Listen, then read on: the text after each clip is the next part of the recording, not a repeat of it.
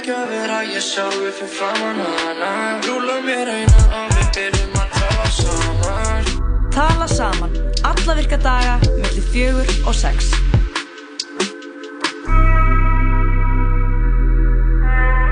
Já, við erum hjartalega velkomin í síðdeistáttum Tala saman hér útvarp undra einum. Aron Már Ólafsson er hérna með mér í dag. Yeah, what's up? Ég heiti sérst Birna Mæri Mástóttir og uh, í dag er þriðudagurinn 23. júli, hvorki meira en ég minna, árið 2019. Ekki flókið. Hei, það er rosalega einfalt. Það er bara mjög einfalt. Þú ert með sólgleru hérna inni, Aron. Já. Uh, ég fíla það. Það er líka bara frekar ljúfur dagur í dag. Það er sólalofti, Já. gott viður. Um, það er alveg margir að ennþá bara þurrka dótsitt síðan já, um helgina þegar lunga fór fram á steðisfyrði. Lautustu dagar sumarsins held ég. Já, ég var með þess að líka í hérna á Snæfisnesinu og ég sjálfur er að hengja upp dót síðan þá sko. En það var ekki bongo á uh, Vesturlandinu eða? Já, þú meina að það var svo mikið regning í ykkur. Já, uh, jú, Þú ert ég, bara upp dót bara en þá ganga frá. já, það er svona bara ganga frá. Hérna, ganga frá þurru dóti. ok, ok, ok. Sko, en það er smekkfullur þáttur í okkur í dag um, og við ætlum að hafa, hafa bara þægilegt hérna næstu tí tvo tímana Mm Algjörlega. og við uh, ætlum að byrja á að fá Guðrún Ír, við þetta sem GTRN, Já, sem uh, ætlar að koma yngi og leysa vandamál hlustenda. Sérst, við höfum verið með hennar lið um, tvisasunum eða oftar á, áður en það heitir einfallega vandamálið og við fáum stundum send inn vandamál, vandamál inn á mailu okkar já, og við höfum fengið hérna fólki inn til að hjálpa okkur já, við að leysa þessi vandamál og þau eru búin að vera alls konar og mis stór og mis flókin en við höfum reynda svona líta á þau með öllum, frá öllum hliðum en um, fyrir ykkur sem er að hlusta núna, þá er ekki eitthvað mail sem að fólk getur sendt á ef þau eru með vandamál sem þau vilja að einhverju frægir komi hérna í setti á okkur og leysi fyrir þau. það má senda á byrna at 101.live eða lóa at 101.life Já. bara hvað sem er. Og það er það, við segjum aldrei hérna, hver sendir inn þannig að Þetta er allt og nafnlaust. það má líka vera guðmul vandamál sem voru kannski nú þegar búin að leysa en veltum kannski sjá hvað við, við hefum að segja um það bara eitthvað sem varst að gangi gegnum í mentaskóla eða eitthvað. Já, það væri gaman einmitt, þú ert með gammalt vandamál gegst gengna, þú ert búin að bara afgreða er en að sjá sé- hvernig aðrir myndu kannski leysa í dag. Það væri skemmtilegt. Og fá kannski bömmir yfir í núna aftur. En já, Guðrún kemur inn til okkar. Hún er náttúrulega mjög uh, það verður mjög skemmtilegt að sjá hvernig hún ætlar að leysa úr þessum vandamálum. En svo ætlum við að fá til okkar hann Unnstein Manuel Nýja, sem uh, já, er fyrir um út af stjóri en uh, hann ætlar að koma með nokkar svona tónlistapælingar ég hérna, ég er mjög spennt að sjá hvað hann kemur með af því hann ætlar að kynna til leiks hérna, þrjá listamenn sem hann til að vera svona up and coming á árinu. Og hann er sko, þú veist Unnsteinn er mesti svona internetgramsari sem ég veit um vá, ég held að ég væri það sko ég held að ég væri mest í gramsarinn á niðinu já. hann er, hann er komin, hann er oftar með eitthvað svona mjög þeir bræður sko en Deep, þegar kemur sko. okkur svona þá líka svona einhver artisti og bæði líka svona Spotify gramsari þannig að þú veist hann er eiginlega bara atvinnum að ríða gramsa á internetinu og ég treystur hann bara 100% fyrir þessu verkefni. Já, ég er 100% samanlega og ég meina, ég get ekki komið betur inn á eftir en uh, ég hitt hann einu sinni á uh, súsístaði hérna heima þegar hann var að hlusta tónlist, þetta er mörgar síðan sko. Og uh, hann er að hlusta tónlist og hann er svona skrítin á svipin, ég er að borða súsí þannig að þekktist ég og hann bara svona ágætlega. Þannig að verið svona að komast inn í hennan vinahóp og hann horfir svona á mig og sá hann hann tekur svona annað eitt eirað út og segir hefur þú heyrt þetta lag? það er einhver strák sem heitir Aron Kahn á okkur lægi með öðrum artista á Já. YouTube sem heit Bósi eða eitthvað Bósi eða Bósi. Ljósar eða eitthvað og hann er bara featured á þessu lagi svo hlustaði ég á þetta lag og veist, hann sagði mig, já þessi, ég held að þessi Aron á eftir að vera stór sko. þannig að þegar hann segir eitthvað svona þannig vissi enginn hver þessi Aron var einmitt það voru bara hundra og eitthvað views á þessu lagi sko. he knows sko. He fucking know en uh, já, við ætlum líka aðeins að fara yfir svona einhverja frettir það er alveg alls konar sem að þarf að ræða. Já. og Já, já. við ætlum bara svona að fara yfir já, það helsta.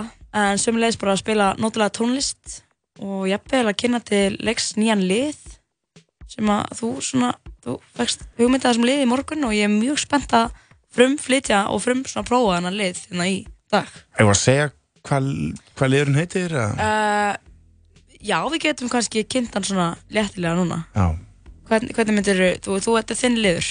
Já, þetta er uh, þryggja orða lag. Þryggja orða lag? Já, ok, ég er að reyna að finna ykkur nafn nafn. liðin Ok, uh, ég segi bara uh, þriðja hvert orð. Já, þriða hvort orð, það er enda góð, góð, gott nafn á liðnum. Um, Máli er, þetta virkar þannig, við ætlum að taka tvö lög með að vera útlensku, með bara hvaða lög sem er. Ég segi við höldum okkur við íslensk lög. Eða að taka íslensk lög? Já, en þegar maður verður allir skalinn. Það má vera, eða það þarf ekki að vera hip-hop Það getur verið bara, nei. Bara fyrsta platan sem bubba, bara eitthvað lag.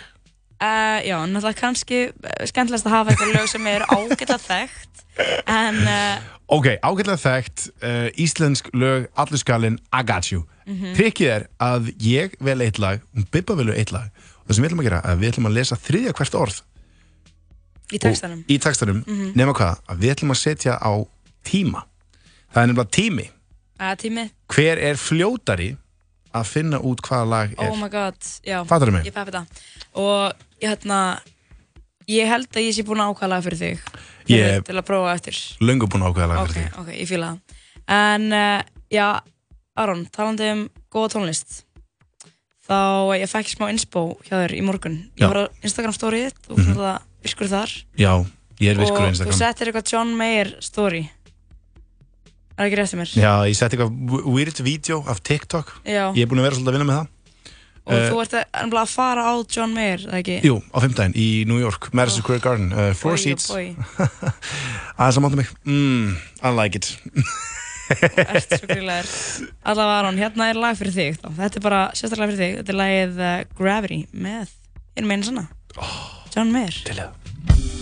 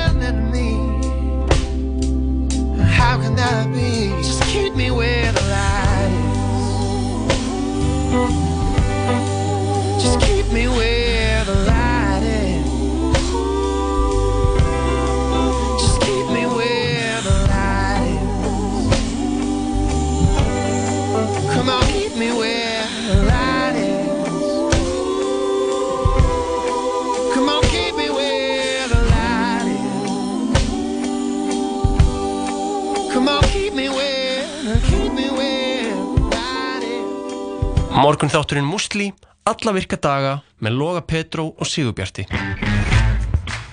Ertu búin að vera með ringitón samstarfsfélagans á heilanum í allan dag? Fátt meira pyrrandi. En hei, þú veist hvaða dagur er í dag. Einmitt, Dominos. Gommugláp og bland í póka í kvöld. Stöðtvö marathón er stútfullt af frábærum þáttaröðum sem þú getur hort á hvar og hvenar sem er. Tryggðu þér áskrift fyrir aðeins 2490 krónur á mánuði á stöðtvö.is. Hamburgerabúla Tómasar, þriðudagstilbóð, þriðudagstilbóð. Hamburgerabúla Tómasar. Landsbankin kynni Stark chose you. Eftir atbyrði Avengers Endgame þarf Spider-Man að stígu Are you going to step up or not? til að takast á við nýjar ógnir Really miss him. í heimi sem hefur breyst að eilífu. I don't think Tony would have done what he did if he didn't know that you were going to be here after he was gone. Spider-Man Far From Home frum sín 3. júli. Þú ert að hlusta á Útvarp 101. Útvarp 101. FM 94.1 Í bytni úr miðbæ Reykjavíkur.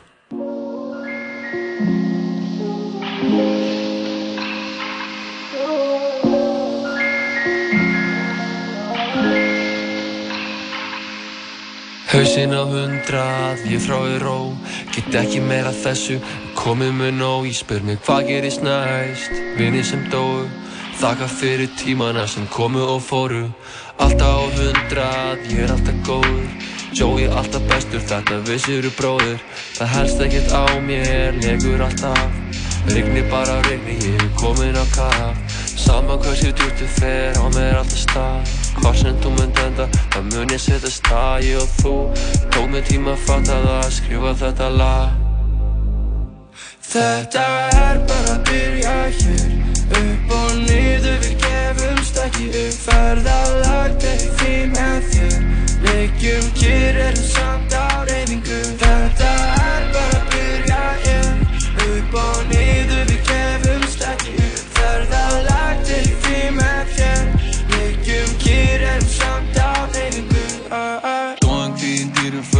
hef aldrei þósna Gera þetta eilífi, það er mín eina óskma 2019 baby, löngu orðið ljósta. Óski mín að ræta svo ég lyfti glas og tósta. Regi ein og hósta, horfa á hinn að dásta. Því sem ég er að fást við, vandan var að kljást við. Læta ekki sjást, hún var alla mína ás Finna þarna inni, þar er innan tómt hól Gæti flúið það eilíf en mér ósveg gott þó Hleypa stað, stoppa strax En ég komin nóg að því. Þurfa að poppa eina pillu til að fá smá frí. Ég er samalla hinn að þetta snýst um mig. Hárið ekki að neina, hárið bara þig. Hárið bara þig. Þetta byrja hér. Upp og niður við gefumst ekki upp. Ferðalag til því með þér. Leikjum kyrr erum samt á reyfingu Þetta er bara að byrja hér. Upp og niður við gefumst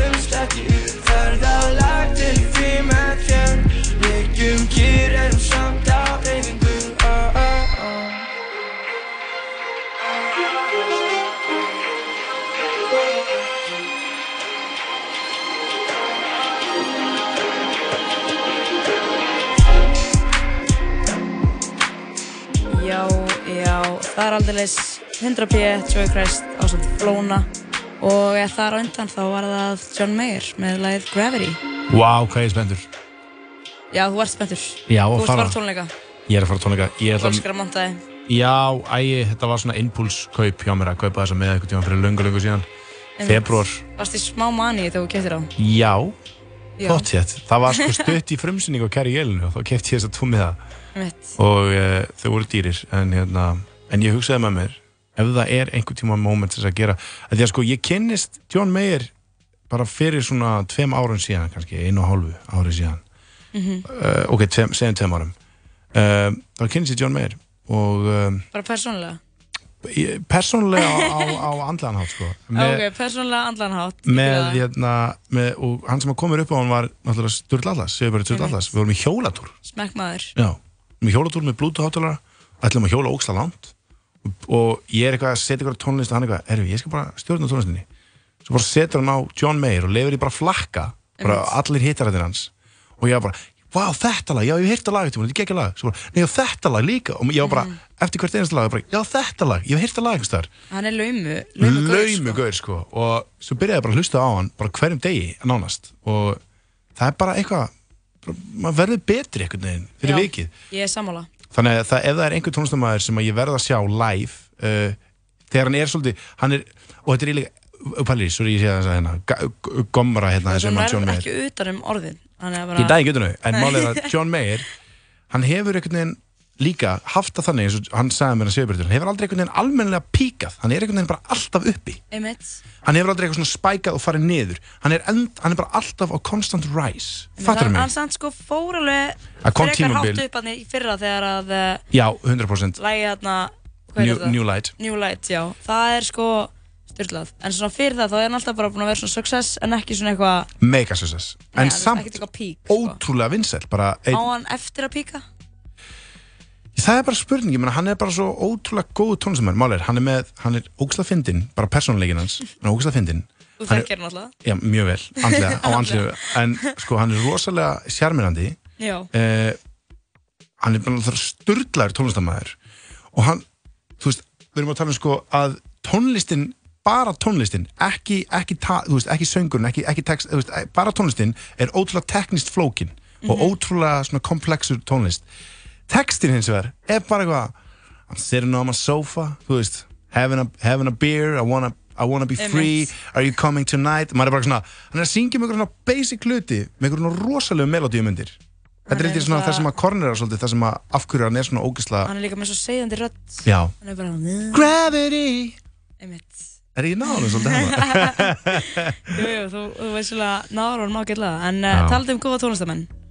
Þá er einn á leiðin til okkar já, Það er hún eh, GTRN, Guðrún Nýr já, Og uh, já, hún ætlar svo sannarlega að leysa vandamál hlustenda. Heldur betur. Að ja, hlustendur tala saman hafa sendt inn á okkur já, í gegnum mail og uh, já, við bara hvetjum alltaf þig, kæra hlustendur, til þess að senda inn þitt vandamál. Þú veist, það má vera gamalt líka. En við reynum nefnilega að leysa úr því bara á bestu getu og fáum oft til okkar eitthvað svona lausna meðan einstakling til að hjálpa okkur já. sem er GTRN að þessu sinni Paldi, þú ert að hlusta á þetta, þú ert að hjóla, lappa út heima hjá þér í eldursunum, vasku upp, þú ert kannski bara í vinnunni, skiptir ekki máli hvar þú ert. Ef þú ert að hlusta á þetta núna, þú ert með vandamál, ég veit það, það er allir með fokkin vandamál. Þú ert með vandamál, senda okkur það. Ekki hugsa um þetta tvisar, bara sendu mig vandamálið á þetta mail, byrna at 101.live, viljum að leysa? Já, eða, eða Aron at 101.live, og ég skal, við leysum það fyrir. ok, sko á meðan að við lefum GTRN að koma sér fyrir og koma sér í stellingar fyrir svörin. Hvað er það? þá ætlum við að fá að hlusta á uh, já, svona eitt lag með henni sem heitir Án mín. Og uh, já, svo við okkur í þessi stóru vandamál.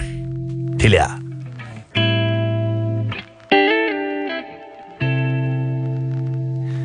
Finnur þína leið Einn eða með öðrum án mín, án mín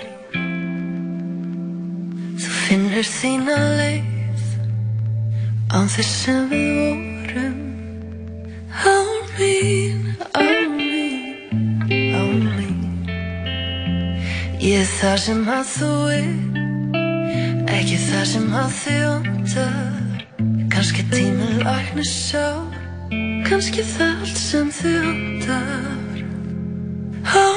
mín, á mín, á mín Á mín, á mín, á mín Við fórum þennan veg Og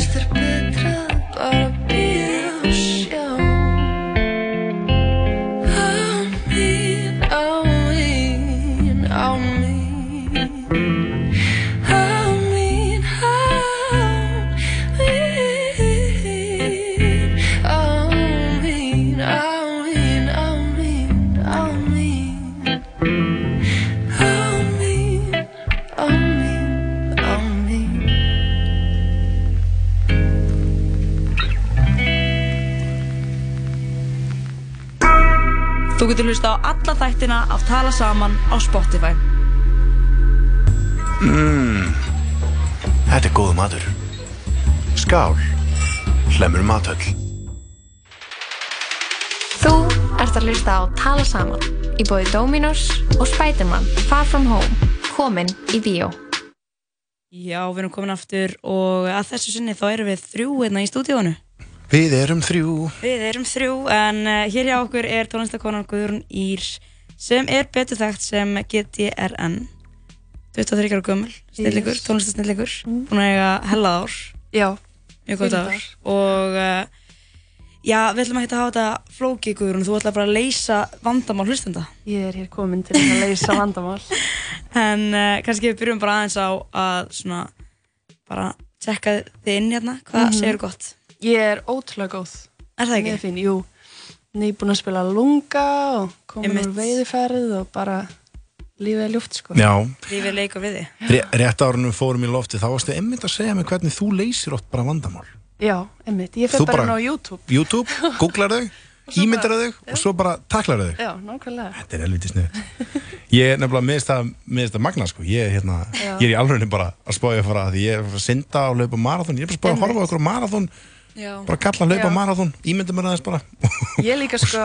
Já, samt ángríns, þegar maður sér Ángríns. einhvern annan gera það þá hefur maður miklu meiri trú að maður sjálfur getur gert það Ég líka sko, ég mynda mig líka alltaf sko, þetta er bara líka þegar ég farið bara á svið skilur og syngja og eitthvað. Og ég gerði þetta alltaf hérna, þegar ég var í fótboltanum, Mhm. þá ímyndaði ég mig alltaf, þú veist, að vera búin, Já, þú veist, og ég ímyndaði mér alltaf þegar ég er að loka sjóinu, þú veist, og syngja Já. senasta lagið, þá er ég alltaf eitthvað, ok, ég ætla að hafa krátið svona, ég ætla að vera svona sátt, þú veist, þetta lítur svona út, bara ímynda mér, þú veist, þú eru bara ímyndaðir bara að vera klára sundið og þá Já. er þetta svona, þú veist, þú ert hvernig með ætlar að líða þá og hvern, hvern, Já. hvernig ætlar að vera Já. Það er mjög sniðut Já, það er mjög, mjög, já, er sniðut. En er þetta samt ekki líka, þú veist, þegar þú ert á sviðinu, þegar þú ert á sviði að þetta er eina sem þetta er, eins og með bara allt sem gerist á sviði í rauninni, Já. að þetta er eiginlega bara tenging við áhörðunum, Já, í rauninni, sko. nummer 1 og 3. Þú verður getur góður verið að lesa svona hvað stemmingin er og vinna svolítið út frá því sko. Já, Getur ekki verið í einhverju kaffehúsastemming og er bara, ei, mér er álega stemming, þú veist, Já, fólk bara, einmitt. "Ú, nei. Allir bara eitthvað Vá, það er svo fyndið þegar það gerist. Það verður, það. kemur ykkur skekka í stemmingu þegar það er einhver svona, Þú ert líka svona þannig með þann tónlist að bæða þetta að hlusta á þetta og vera bara eitthvað í algjörnum feeling Já, en líka þetta að setjast niður bara og njóta þess að hlusta bara á góða tónlist ég get alveg verið að spila á einhverjum festivalum þar sem er brjálu stemming og Mhm. allir í rugli sko. En svo er ég líka bara að spila einmitt. Þannig að þetta er alveg, Þú gerir bæði um helgina eða ekki? ég gerði það. Já, Tekur það er óskalega eða svona, þú tekur það, ef þú ert að spila í brúðgöpum Já. þá tekur bara vantilega þín lög fólk veit fá þig að taka þín lög en hefur verið beðin um að koma að syngja bara önn lög? Mm, sko, ekki síðan ég byrjaði svona almennilega með minnferil. Nei, En fyrir það var ég, þú veist, oft fengin að syngja einhver jólalög. já, einmitt Og, snjókott falla Það er líka oft þannig með í brúðköpum einmitt, að fólk er eitthvað svona vill fá eitthvað þeirra lag já, já, já, já, einmitt. Þannig að sem er alveg fyrir einmitt. dagur, sko. Já, er, er, þú veist, eins og núna þú spila kannski einhverjum svona vislum, er einhver sem er eitthvað svona að beðið um að spila eitthvað lag sem þú átt sem er eitthvað svona, já sem svona, við Þú veitum bara fá því að þetta er ég veit okkar lag. ég myndi vilja ef ég væri tónlistamæður það er eitthvað þetta er lagið okkar. Og þú bara eitthvað nei. Nei, ég bjóð til, hvað meinar, þetta er mitt lag. Svo horfaði á því að eitthvað. Og þú ert bara ímyndaðir hversu oft hafa þau sofið saman með þetta lag? Þetta er mjög fyndið, sko. Ég er nefnilega mjög oft, eða kannski ekki mjög oft, en nokkur sem fengi og það er aðalega þegar ég er á djamminu, sko. Já, Og fólk ætlar að vera ógeðslega, þú veist, langar að segja hvað það fíli tónlistinu mína. mm. Og kemur til mín og er eitthvað, vá, þetta er svo, þú veist, þú er með svo geggja tónlisti bara, þú veist, það er svo, það er svo gaman að sofa við hana. Og ég er alltaf svona, já. ok. þú veist, ég skilða alveg, þetta er alveg svona þægileg tónlist, skilur Er þetta talað bara svona eins og hérna, A- ASMR bara, svona, setja þetta á og svo bara Já, já, sopna út frá henni já, þetta er eða, eitthvað. eða eða sofa hjá eða út frá Sofa hjá, sofa Já. hjá, sem sagt. Sofa við hana eða sofa hjá við hana Sofa hjá við hana, Já. sko. og vakna líka við hana Stunda kynlíf. bara vera með hana alltaf stunda kynlíf við, eh, já, GTRN tónlistina það er, Já, það er eitthvað. Já, er eitthvað. Það er new wave en sko, Guðrún þið segðum mér eitt, hvað ert að bralla núna? ég veit þú ert að fulla spila og Já. alls konar út í hátum Mm en En svona ég- kannski eitthvað annað Ég er sko að vinna í nýri plötu. Mhm, mhm, mhm. Mhm. Segi ekki meir. Ok. En þetta er bara nákvæmlega það sem ég vildi heyra. Já. Já. Ég, hérna, þurfti nefnilega einmitt fleiri lög til að ríða við. Nú getur þú riðið í tjaldi Nýja plata frá Get Ég Rett Útilegan. Ah, Langar að ríða í bílnum um helgina. Hlusta á nýju bílríðingar Það er enda að fyndin skett sko Ah. Sko, við ætlum að byrja á þessum vandamálum Já. Já. um, Ég er með tvö vandamál en það fyrir fram mig Ég ætla að byrja á því fyrra Þetta er frá, já Máttu ekki segja? Karlmanni. Þetta er frá Karl- Karlmanni. Nei, ég segi bara frá Kattmanni Já, ok um, uh, Erum við tilbúin í þetta? Já. Þetta er hérna aðeins að læka tónlistinni um, Góðan daginn. Ég er búin að vera einhleipur í mörg ár núna og er orðin svolítið leiður á því. En ég held að það sem stendur í vegi fyrir mér er hvað ég er óörugur og ég er ekkert óörugur með lúki mitt eða hvort ég sé skemmtilegur heldur hvað ég er alltaf með fokkin sveitt að lofa. Ég er búin að fara til læknis og ég elskar hann test en það finnst engin við þessu. Þetta er þvílíkt mikil áhrif á líf mitt. Hvað get ég gert í þessu Mhm. Það er Ég er líka með mjög sveitt að lofa Skemmtilegt Ok. Er það? Ég er alltaf með mjög sveitt að lofa sko. það er alveg til þess að Já, típur mér er alltaf kallt á höndunum Mhm. En líka svona sveitt Svona eins og fiskur á höndunum En þú, skilurðu. þú hérna hefur greinlega unni með þetta og Já, maður þarf bara svolítið Þú veist, bara ónýtt í rauninni sko. Já. Þú veist, af því að það eru allir eitthvað Eitthvað off, skilur Það er einhver með ógslag sveittan hnjaspætur eða þú veist, whatever, skilur Vá, ég tengi við það Já, ymmit Ángríns Já. Nésbætur, vá, það sveit maður oft hjá mér Það er rosa oft En þú veist, maður þarf í rauninni bara svolítið kannski að hafa húma fyrir þessu Já. Já, einmitt. Og í staðin fyrir að vera eitthvað svona að leifa þessu að láta hafa áhrif á mann, skilur Einmitt. Að þá bara, þú veist, að þú ert kannski kynnaði fyrir nýju stelpu eða eitthvað svona og þú finnst hún eitthvað sæt og segir þú bara, þú veist, í staðin fyrir, knúsari eða eitthvað? Knúsari, ég, sko, ég er með samsæðiskenningu Gaurin eða sem bara láta vita einmitt, bara, Já, Já. eða bara ég er ógislega Hæ. á höndunum en gaman að kynast þér, skilur og þá segir hún bara, já, veist, ok. Ég held að, samt ef ég ætti að vera alveg honest þá myndi ég halda að, að svona 95% fólk væri bara svona, þetta er bara, þú veist eitthvað Tinder date eða eitthvað skilur var að date Já. svo bara, hæ, ég sveitur höndurum gaman að kynast þér.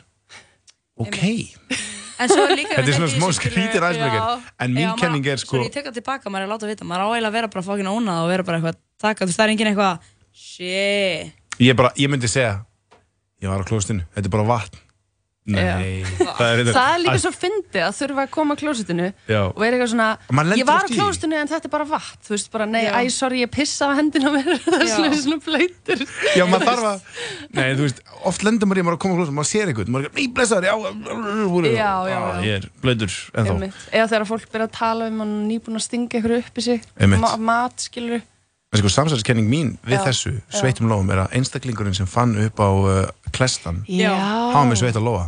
Mm, Hann- Er það?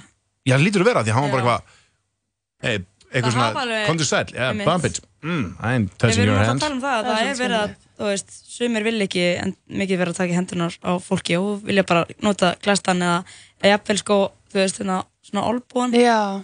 og að því að þetta er mitt síkla þetta Þetta segir mér að klestan sé að koma frá einhverju síklafóbíu einstakling og svo var það bara að tekið ennþá lengur og bara eitthvað, ah, og nú er bara komið einhver svona olbúi sem er bara, orðið- og það verið að gera allt svona gett nett, þannig að þetta er bara svona, hey, elbow, mm. Ok, sko, niðurstæðin þessu vandamáli ánum við fyrir mig að næsta er Já. svo að maður á bara óna vandamál sitt Já. Mhm. hafa húmor fyrir þessu af því allir hafa svona eitthvað, eitthvað, eitt svona hvað segir maður, lítinn djöful að draga veist, sem er samt fyrir öðrum svo lítið mál Einmitt. en mann sjálfum finnst að vera megamál Já, maður miklar þetta svo fyrir sér, skilur Mhm. og maður fer að ímynda sér bara að manneskjan sé að hugsa bara, oi, hvað hann er með sveittar hendur kannski hugsa Einmitt. hún það, en svo er hún búin að gleyma því eftir tvær sekundur Einmitt. og fara hann að hugsa um eitthvað annað og skiptir ekki máli líka sko eitt í þessu er að það sem ég heyrði einhvern tímann þegar ég var, ég man ekki eitthvað, bara í ólingastíði eitthvað sem hjálpaði mig gett mikið var hérna að um, þú pælir miklu meira í þú veist, segjum að mér finnst ég vera með gett sveitarhendur þá pæli ég í því hvort að allir aðrir sem er sveitarhendur en það er rauninni engin annar pæli þú pælir miklu meira í þínu einn vandamáli hjá svo öðrum líka Já, einmitt. þannig að það er engin og ég hef aldrei pælt í, kannski segjum að mér finnst ég vera með gett stóraugu þá pæli ég miklu meira í bara eitthvað, að þessi er með gett stóraugu líka og þessi er með gett flott lítilaugu En það er enginn að pæli því hvað ég er með stóru augu. Æ, fatti? Ertu með stór augu? Nei, ég er ekki með stóru augu. Nei, mér finnst þetta Ég líka bara, augu. maður er Hvað að eitthvað, er óörugur með eitthvað, með sjálfan sig, Já. þá horfum maður aðra og maður hugsa, vá, ég vildi væri þessi. Og, en ég hef samt oft lendið í að kannski er ég óörugur með eitthvað, þú veist, segjum að ég væri óörugur með nefið á mér. Mhm. Og ég myndi labba upp að einhverju mannski og þú veist, og ég er bara, ó, þú ert með svo geggja nef. Þá Mhm. er ég oft lendið í að fólk segir bara, ó, nei, ég hata á mig nefið. Já. Þú veist, og maður er eitthvað, ha? Ég skildi ekki, af því að þú veist, þú ert eitthvað svona ónæð með þitt og horfur á annan og hann er líka ónæð með sitt, skilur. Já, Þannig að þetta er svona, Tengi, ég tengi við það. Já, Ég, ég tengi Og- líka, ég líka tengi við maður í gyminu með einhverjum. Já. og þeir líka bara fucking vel út. Og ég líti kannski ekkert vel út. Og þá líta segir maður bara eitthvað, damn, þú lítir vel út. Æ, ég væri samt alveg til í það. Og maður er svona, gaur, horf á mig bro. þú lítir vel út. Eitthvað, shut the fuck up. Fattuðu mig Ég veit það, það er eru svo, fucking hræsnarast maður er svo fyndin, sko. ég veit það, er, er, maður er fyndin en sko, honest, viljið honest leysingu á þessu vandamáli Mhm. baby powder, Já. eða kalk Já. Það er Bro! Frekar weird típa. nei, bara alltaf með svona smá bara Og, og ekki baby powder, það er mikið lykt að því. ok, Eða kalk, vera bara alltaf að setja sér handaburð. Já. Og þannig að þú tekur á hendina á mannskinu þá ertu bara, æ, sorry, ég var að setja með handaburð. Þá er fólk alltaf bara eitthvað, ú, hún lítur að vera með mjúkar hendur eða eitthvað. ángríns Þetta er, þetta er mjög, ég held að séum alveg komið nokkru lausnir Já. Þannig að vonandi er uh, já, þessi kallmaður að hlusta Og ko- fái sér nú þá kærustu Já. Verði að- að vinnur inspiraður þessu af vandamáli okkar ráðum. En, uh, svo líka bara alltaf verið vellingum Já, Einmitt. það er líka flott. Það er flott lúk. Það er en geggjað við erum með sko annað vandamál Ú, Og uh, já, fyrir þá sem voru að tjóna inn núna Þá er uh, söngkonan og tónlistakonan Getið er að nefna hjá okkur Og hún er að leysa vandamál hlustenda Mhm. Við vorum að leysa vandamál uh, hjá einum sem er með já, þvala lóa já, og kom svo hérna aftur inn eftir örskamastund og ætlum að leysa næsta vandamál sem er held ég eitthvað svona sambandsdót sko. ok, ok. En uh, áður við fyrir mig það, þá ætlum við fyrst á já lag, þetta er Young Nico Drippin og MC, nei, MK 10 sem 10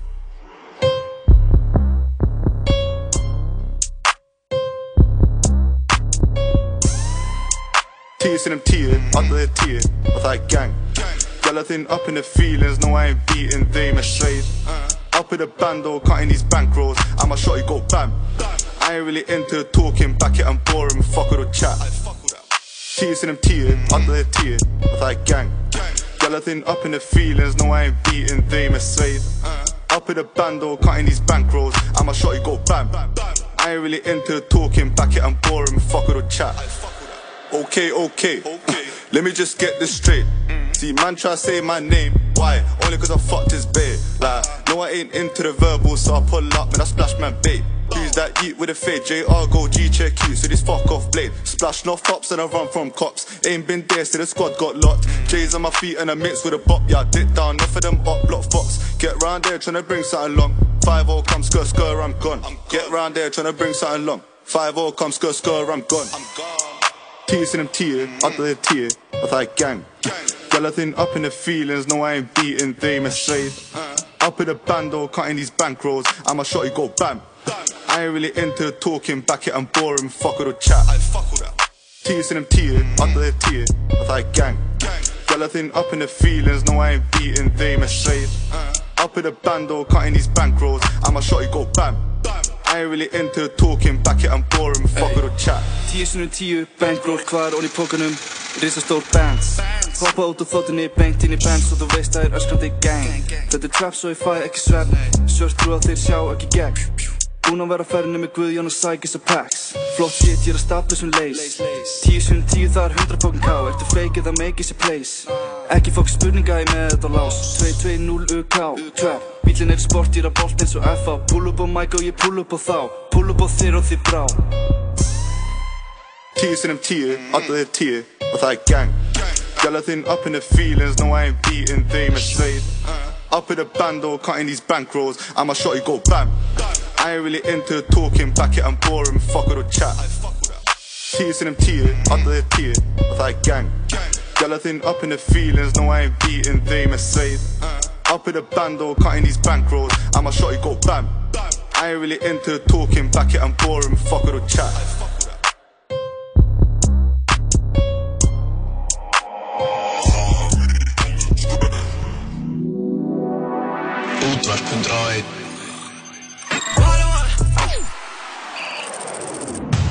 Ef stökkva skal niður sjö tröppur á Ingolstorki skal ávallt passa að vera í nýri sendingu frá Rippindi með nýja öxla, plötu og dekk fyrir hjólabretti. Þú þarft ekki að taka fram þetta fyrir hjólabreytið, sko. Já. Nei, nei. Smass! Kringlunni. Útsalan er hafinn og hún er í fullum gangi. Sjáumst það. Þetta er svo fucking fyndin auðlýsing. Við erum komin aftur. Ég var að gleyma, að ég var að lesa þessu auðlýsingu. Svo var ég bara, þetta er ég. Já, já, krakkar. Oh, Um, rip and dip. Hér erum við þrjú, Getirann, Birna Marja og Aron Már með ykkur í síðdeistættin tala saman og við erum að leysa vandamál hlustenda. Já, heldur betur. Við erum búin að já, þræða eitt vandamál sem að var um já, blöyta eða sveita lófa sem er vandamál sem margir glíma við. Já. En uh, Náðum að leysa það samt. Næst- Á marga, hátt- marga vegu. næst er ég að fara í aðeins aðra átt. Við fengum hérna innsend vandamál já, frá stelpu síns mér en þetta er svona meira um ástina og uh, sambönd Mm. sem að uh, já, eru oftast svona skemmtilegast og flóknustu vandamálin Já. er það ekki? Tilfinningar. Sambönd eru erfið og tilfinningar eru ógslag erfiðar en uh, ég ætla bara að lesa þetta hérna fyrir ykkur Hæ, tala saman Þið eru sem í ástar sérfræðingar og ég þarf hjálp. Ég er 24 ára og nýlega á lausu eða kannski ekki nýlega, það er 6 mánuði síðan.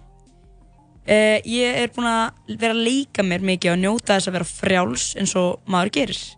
Ég elska að geta gert það sem ég vil en máli er bara að Ísland er svo lítið. Núna er ég búin að fara heim með tveimur bestu vinum mínum, nei, bestu vinum stráksins sem ég er skotin í.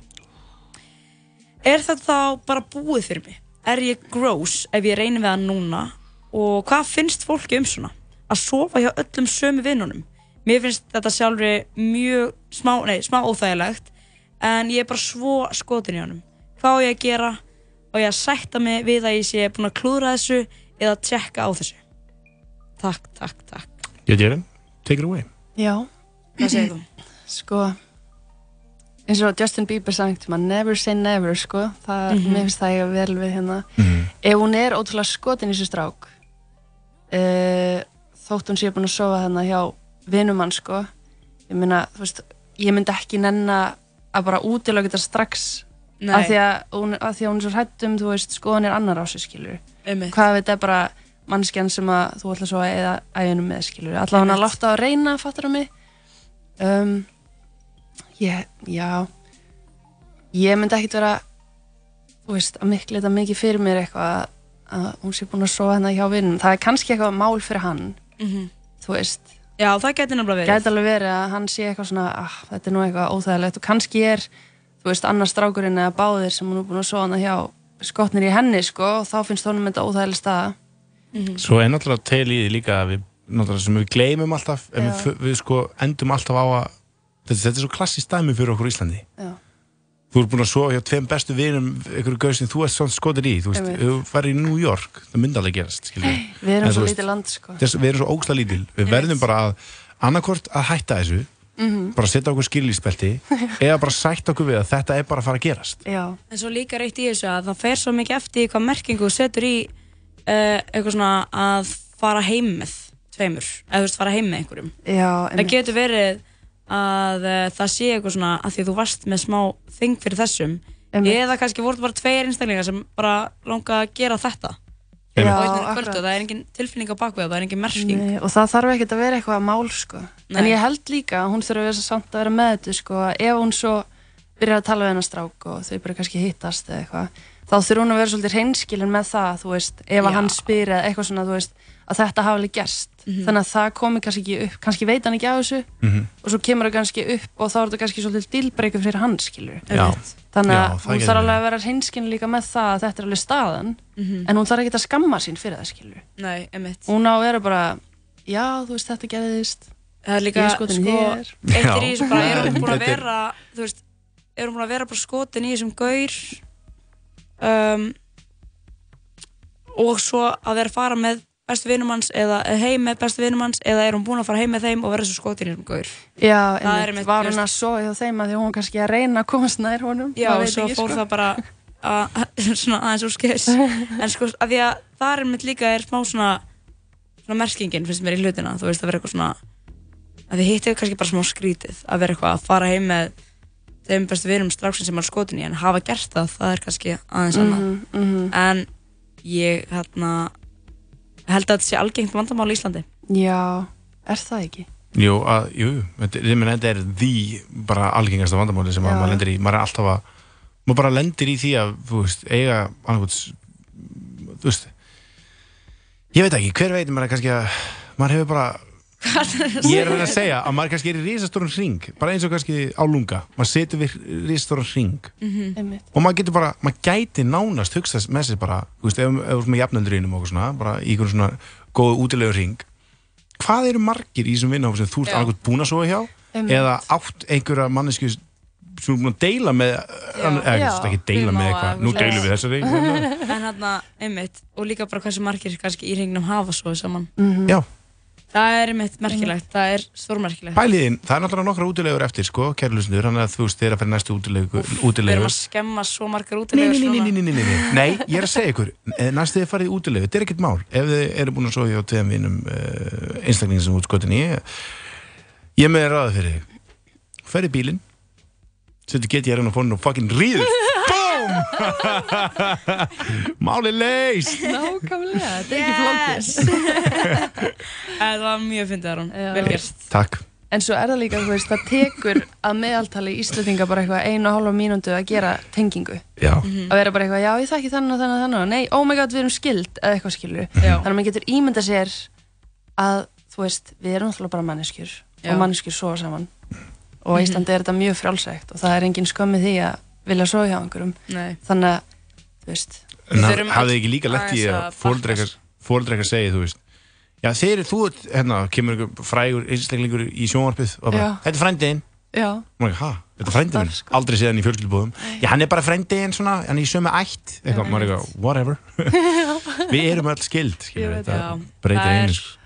það er nefnilega fakt Það er En- hvað sér, við þurfum að bakka eins Nei, ég er að segja bara að þarna, við þurfum bara að hætta að pæla svona mikið í hvað fólk er að gera, skilji. Við erum öll svo náinn og við erum að hafa svo mikil áhrif á hvort annað. Já, algjörlega. Að ef við ætlum að taka eitthvað svona hlut of alvarlega, þá erum við bara búið til vandamál fyrir okkur sjálf.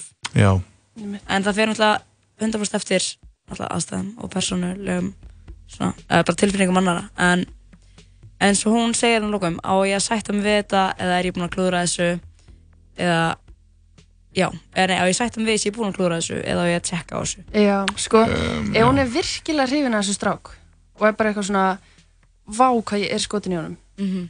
þú veist, þá myndi ég alveg segja henni bara að láta á þetta reyna Já. en svo náttúrulega þarf hún líka að vera með þetta um að þetta er ekkit búið bara þótt að þessi strákur sé ekki skotin í henni eða hvað sem er skilu það er alveg, Einmitt. það Það er er nú nokkri fiskar eftir í sjónum hérna á Íslandi mjög, já, það eru nokkru fiskar eftir það eru nokkri sko Ég get alveg sagt ykkur það, kæri lustur að fiskarnir, þeir eru náttúrulega bara jafn margir og þeir eru fallegir. Nákvæmlega. Er í gangi. Við látum þetta vera lokaorð hérna, að sinni. Já. hérna, Guðrún, takk kærlega fyrir að koma til okkar. Já, og já, koma með þessa visku sem að býrði yfir. Já, einmitt. og uh, hvað Vona hva er að þetta að nýtist. hvað er þetta að að trúa upp næst hvað getur fólk komið að segja næst bræðislan að borga fyrir Istri þannig að þú veist það vera aftur bara já, og svo er það bara þjóðháttíð Sjöttari. eftir það Nice. Verður alla helgin á þjóðtíð, er þetta flakka á milli? ég er að flakka á milli alveg landsvornan á milli, milli sko Ég er bara alla vestlunum að gera já, Þannig frá hvað, fimmtudegi eða fyrst? fyrstegi til sunni eða mánudag sko Vá. Hvað er besta kikið? Besta, Mm. eða þú veist, besta sem sagt hérna kannski svona stæðsta Svona krákið uh, krátið. það er náttúrulega bara aðalsvið í eigum sko Já, það er já. það Föstudeginum klukkan klukkan sko nýju og þrjú held ég um nóttina eða eitthvað. Það er eitthvað svona Vá, Það er svo geggja, þrjú um nóttina geggja geggja ég um sko. Já, ég man ekki alveg hvort það var þrjú sko. En ég ætla að segja það bara. Og við ætlum að segja það og Já. fólk hvort sem er ekkert fólk sem verður þarna klukkan þrjú veit ekkert hvað klukkan er sko. Ég Nei, ef fólk er að mæta klukkan 11 í dalinn þarf að vera þarna til klukkan 5 sko. Já, einmitt, einmitt. Herru, við ætlum að, eh, já, henda okkur lag, þetta er Rosalía með lagið Oit Couture.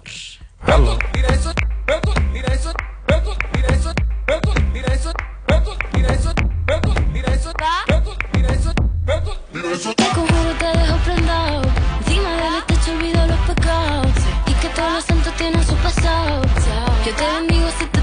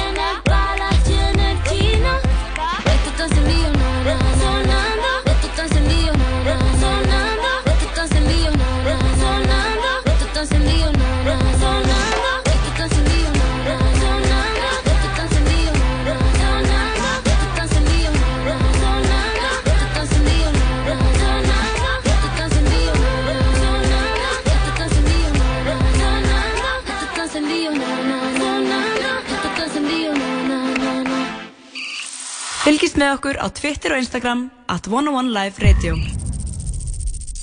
Big Trouble er nýr sérborgari á American Style í bóði í takmarkaðan tíma. 14 stöðuvar og 7 sundlöðar á aðeins 6.840 krónur á mánuði. World Class. Bíó í kvöld Þú getur valið úr meirinn 800 kvikmyndum inn á Stöð 2 Marathon sem þú getur hort á hvar og hvenar sem er. Þér áskrift fyrir aðeins 2490 krónur á mánuði á stöð2.is Þegar vísir einslag tól eftir myrkur Og ég tekka mér þessi koronu klingur. Ég horf á hana og ég allt þetta skilið. Vanga veldur er ég nóg fyrir ykkur? Er ég nóg þegar vísir einslag tól eftir myrkur Og ég tekka mér þessi koronu klingur Ég horf á hana og ég allt þetta skilið. Vanga veldur er ég nóg fyrir ykkur Er ég nóg? Ég veit ég eyði alltaf miklum pening hjá þér Og fuck it, ég græti alla hennar pening sjálfur. Ég er ekki ég þegar ég vinn ekki. Vonið svo tímabili linn ekki En er daginn dáður ég dyrka mig. Daginn eftir virðast hata mig. Engin aðeins fokkin þekkir mig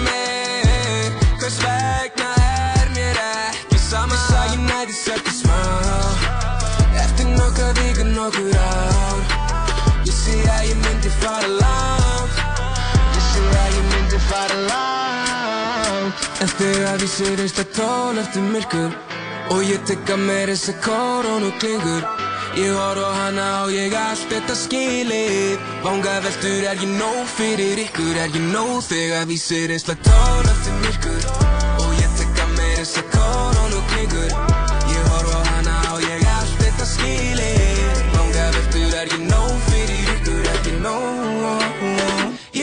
augun, læt svo nokka demant á mig. Fer út og græð á einu kvöldi sem er græð á mánuði. En eitt partí sem ég nenni Ekki neitt að mæta í en alltaf til í penning. Hangi með drengjum sem að fara ná í það sem að þeim Langar í en okkur langar ekki lengur sömu hlutina. Ég er hróka fullur, ég veit Ég er að vinna í því en ég viss að ég næði sérti smá. Eftir nokkra vikur nokkur ár Sé að ég myndi fara langt sé að ég myndi fara langt Ég sé að ég sæði smá Vissi að ég myndi fara langt En þegar sé reist að tól eftir myrkur Og ég tekka mér þessi koronu klingur Ég horf á hana og ég allt þetta skilið. Vanga veldur er ég nóg fyrir ykkur Er ég nóg þegar ég sé einslega tól eftir myrkur. Og ég tekka mér þessi koronu klingur Ég horf á hana og ég allt þetta skilið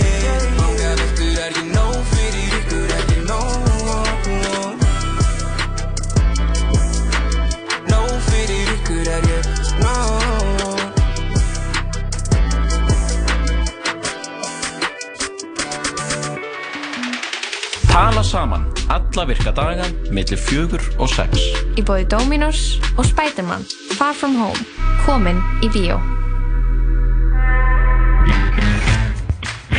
Þriðjudags tilbúð Dominos. Fyrir þúsund kall færðu miðstar af pítsu með þremur álíkstegundum að einn vali ef þú sækir. Gildir fyrir klassískan, ítalskan og löfléttan botn. Dominos. Gommugláp og bland í boka í kvöld. Stöðtvö marathón er stútfullt af frábærum þáttaröðum sem þú getur hort á hvar og hvenar sem er. Þér áskrift fyrir aðeins 2490 krónur á mánuði á stöð2.is. Hamburgerabúla Tómasar, þriðudagstilbóð, þriðudagstilbóð.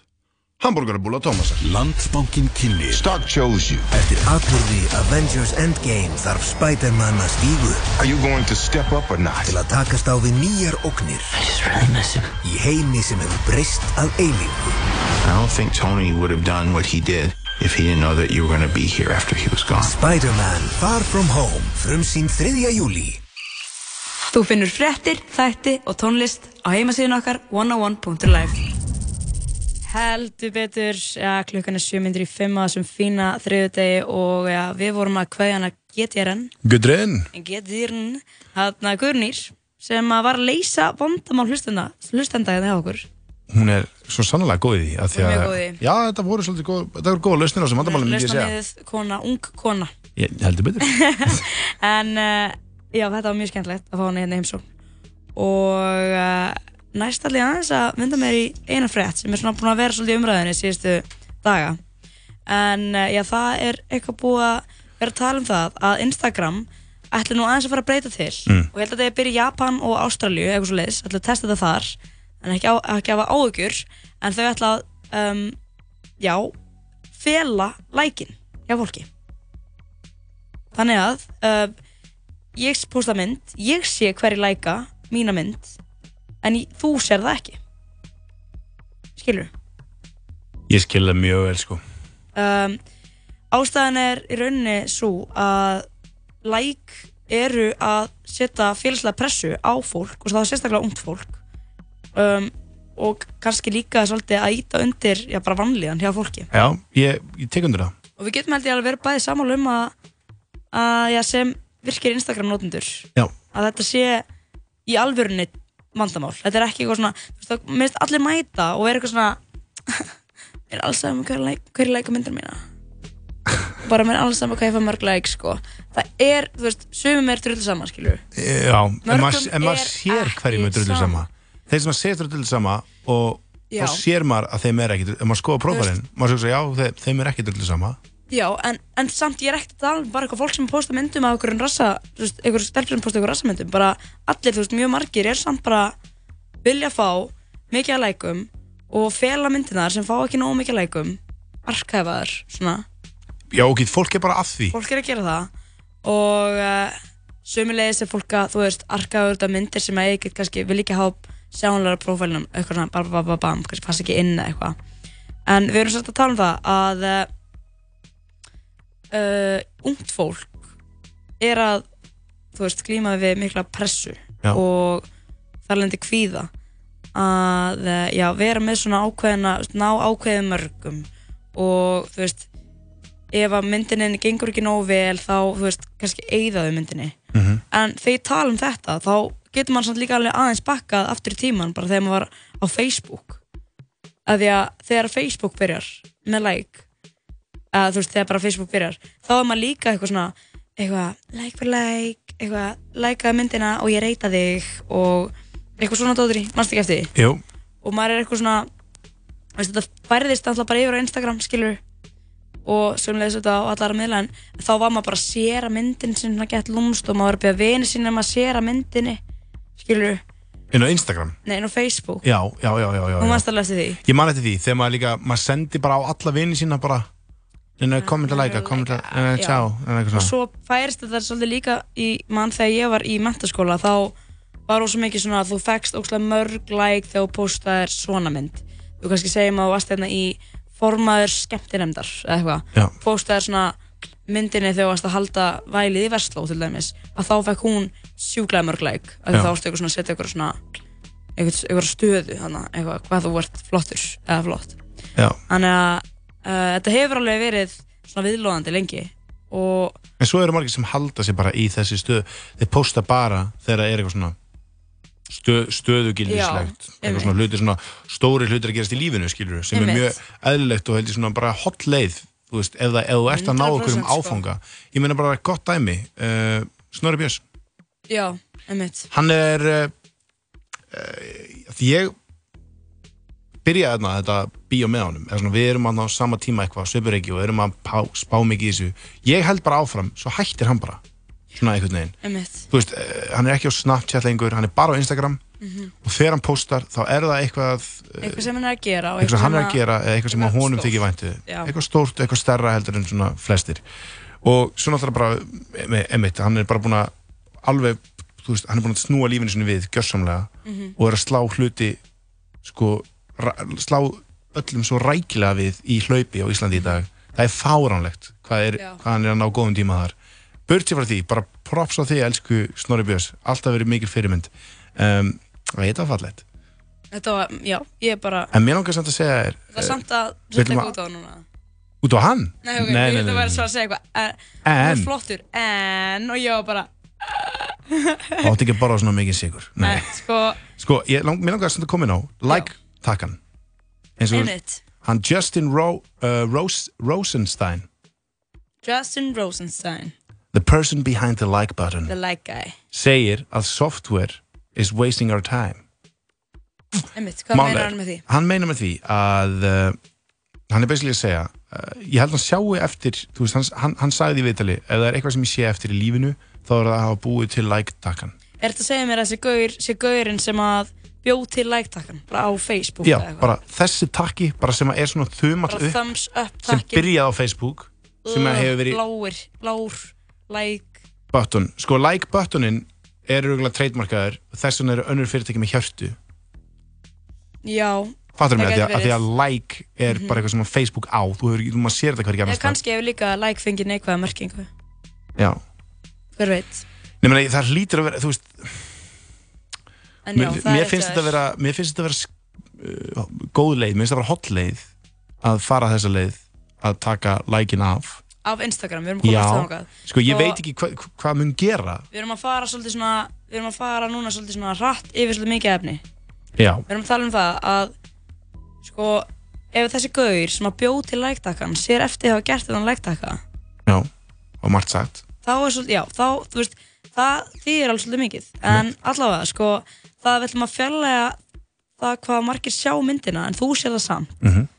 það getur alveg losað um svona einhvers konar kvíða og standard svona pressu ef að vera með eitthvað svona ákveðum, fá eitthvað ákveðum mikið og eitthvað blablabla. svo er þetta líka bara þetta skiptir þér máli kannski Já. þú er að segja, ég er bara að pæla leikum það er ekki svo ég kom alltaf upp á þér Bibba á hverjum degi og segja, hei, sjá hvað ég fekk mörg like á nýjastu myndir mína Nei, en þú veist, samt sko, ég held að fólk sé alveg pæli í því. Já, það eru mjög margir að pæla í, já, já, já. Fólk er held ég líka, þú veist, og þá er ég ekki að tala um vini okkar, skilur Nei. Þetta er líka yngra fólk sem er kannski líka bara, um, passa sig kannski ekki alveg nóg mikið að vera of húgt á þessu, skilur Einmitt. en uh, er að pæla, þú veist, senda yfir segja, segja hvað þessi er með mörg Mhm. þú veist, þú sér líka bara að ungt fólk í dag sem er kannski í 8. 9. bekk það setur í story eins og bara ég er að followa kannski vera yngri frængu mínar bara, þessi var að posta það var nákvæmlega sama og við sáum á Facebook þegar við vorum yngri og ég var að deila myndinu af vinkonum mínum að því hún vildi fá fleiri like skilur þannig að það er að posta hjá okkur annar vingunni sinni bara þessi var að ég, það posta. setur í story mynd og segir bara þessi var að posta. Finnst það bara ekki endilega hún sjálf eða bara einhver önnur? posta, þessi. Eitthvað, þetta er bara orðið svo stutt og orðið svo basic að alveg verið nóg sko. Já, en þannig að fólk getur svona tap here á Instagram til þess að já, eða bara á, á einmitt nafnið eða eitthvað svo leiðis já, en þetta er mjög merkilegt og við sjáum svolítið svona uh, eitthvað jákvætt í þessu allavega, svona í kortunum. Já, að ég held að séum öll fúlt by Instagram. Ég hlusta á skoðanabræður í gær nýjasta þáttinn hjá eh, Bergþóri og Snorra þar sem þau eru að tala við þannig Þóri Tómasdóttir þau, voru að tala um þetta. Og þau nefndu bara þessa setningu bara ég held að við séum ekki að fatta hvað þetta hafa mi- mörg áhrif, nefn mikil áhrif á okkur. Og við heldum að séum okkur klár en ég held að séum ekki að klára við í alveg heldum við séum Fattarðu? ég meina það er bara sannasta setning sem hefur verið sögð er að enginn veit neitt og það eru allir bara að gera sitt besta. Já, veitu, er þetta ekki eitthvað listaverk eftir hana Kristínu? jú, mikið rétt. Þetta er, uh, ég, meni, ég bara heyrði þetta aftur í, í gær. Ég var að keira og var ógeðslega flott scenery, bara landslag Mhm. og ég var búin að vera með eitthvað svona ólgu inn í mér. Svo heyrði ég bara, svo heyrði ég bara eitthvað segja þetta bara. Eða Hildur segja bara hei, hérna, engi veit neitt og allir er bara að gera sitt besta.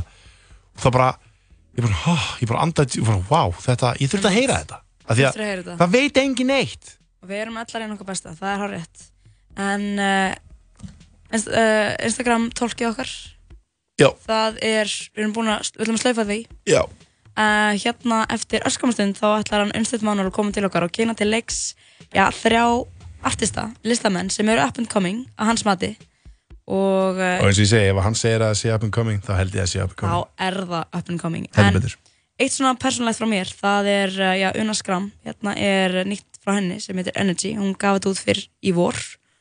Og ég er mjög spennt að heyra meira frá henni. Hlustum að þetta og fáum svo Unstedt Manuel inn í stúdíóið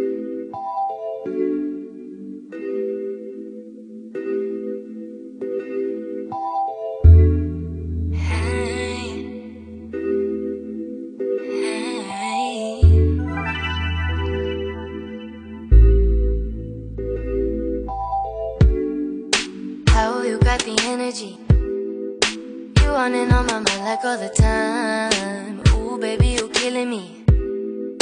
I love it that I get to call you mine. How you got the energy? You running on my mind like all the time. Ooh, baby, you killing me. And now you look so fine. Told you when I met you, I knew, I knew I get you, I get you stuck in. And I felt it from the first kiss I get addicted to this. You're like a cigarette. And since then, we've been moving strong. Who knew it would last so long? This is like the 50th song that I write about you, baby. How you got the energy? You running on my mind like all the time. Ooh, baby, you killing me. I love it that I get to call you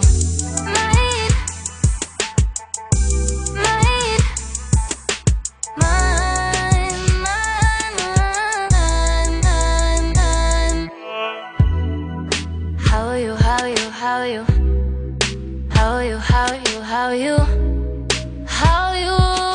How you? Mm. It ain't rocket science, you got the right appliances to make me fall head over heels. You didn't even have to do much. We skipped the games, they too much. It was a done deal. Since then,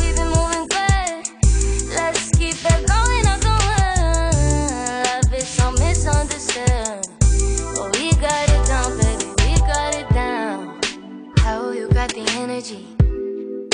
You running on my mind like all the time. Ooh, baby, you're killing me. I love it that I get to call you mine. How you got the energy? You running on my mind like all the time. Ooh, baby, you killing me. And now you look so fine. Ooh, first time that you kissed me, I knew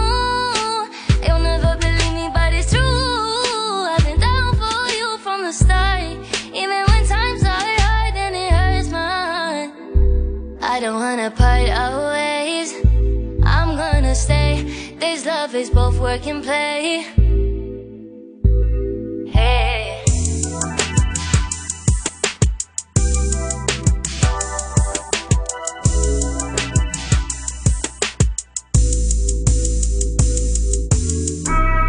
Þú getur hlusta á alla þættina af Tala Saman á Spotify.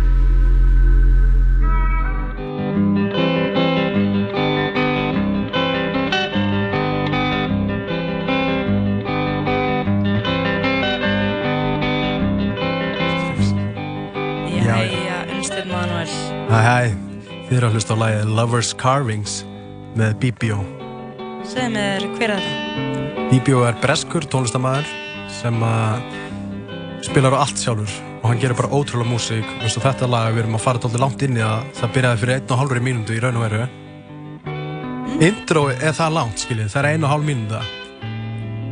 Svo, já, það er mjög langt mjög óvinnulegt svona á Spotify í dag maður, vill, maður þarf að heyra skiljið viðlagið bara strax Já, á fyrstu 30 sekundunum en ekki hann svo þegar lagið byrjar þá skilur maður já Hvað eru komin langt inn í það? Við erum komin einu mínúti. Þú ert sko að fara að kynna til leiksinu þrjá artista. Já. Þetta er fyrsti aðstöð. Þetta er fyrsti. Þetta er fyrsti. Í bíó. Já, þetta er gamalt lag með honum, svo ætlum ég að spila nýtt lag. Ok, ég. Þannig að... En þetta er líka sko, ég var bara að kynnast hérna en nú er lagið að fara að byrja, ég ætla að koma með þetta smá Ok. Já, þetta er svo fucking spennandi, veit ég hvað ég er að tala um? Já, ég get ekki byrjað eitthvað að því ég veit ekki hvernig Svo lagið þegar það byrjar, þá, þá hækkar aðeins í bibba og við tölum svo aðeins yfir það.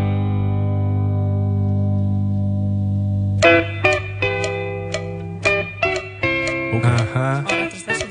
Ekki? Án gríns. Það er kúabjörða, sko. Pælið, það er svo ógæðslega lítið sem bætist við. Eitt hljóðfæri, en feelingurinn bara næsta lefun. Bara kúabjörða? Já.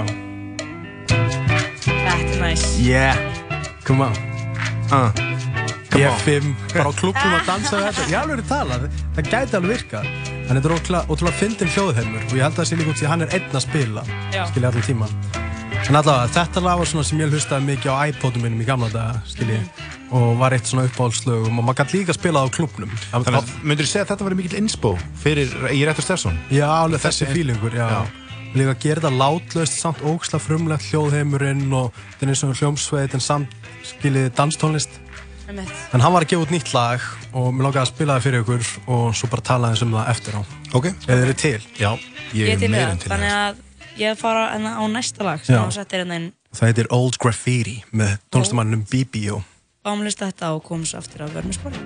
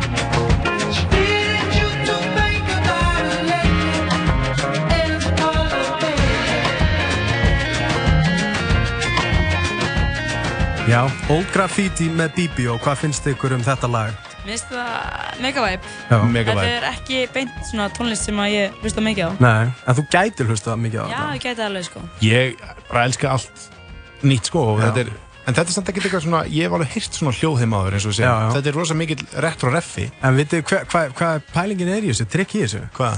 Þetta er ekki danstónlist á beat. Nei. Nei, og þetta er svo skemmtilegt núna með Old Nas og öllu því. Þetta er country beat.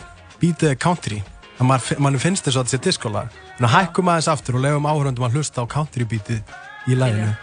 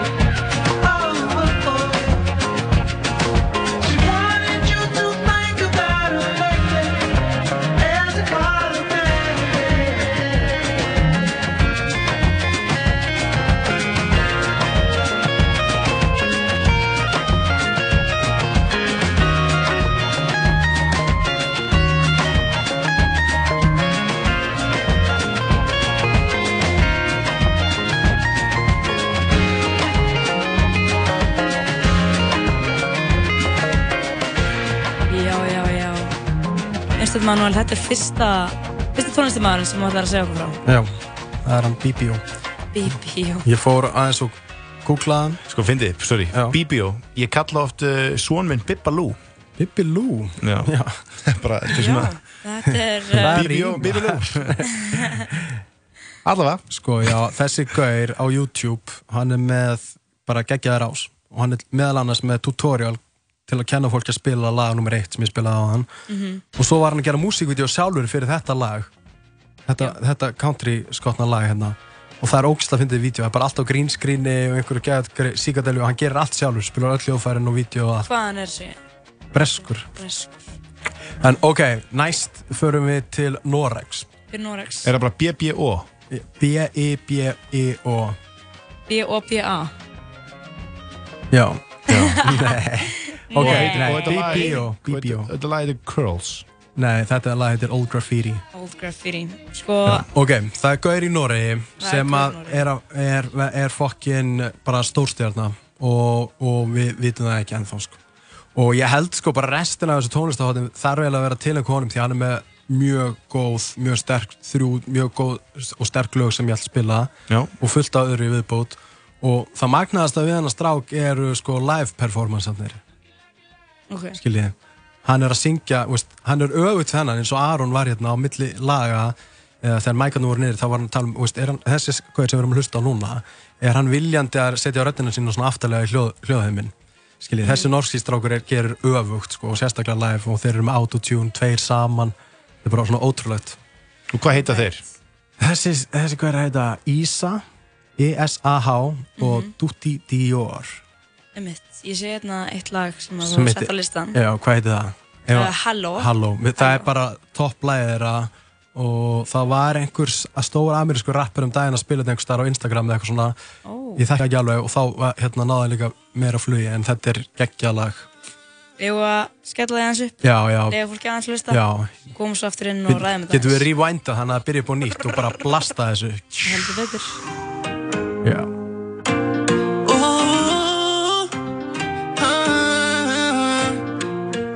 Shawty in love with this shit. Stack you gas till det rats på min bitch. Book this shit lapp på Gucci my jeans. Löper ju 130 little bitch for my dogs and this shit. Ja, hallå!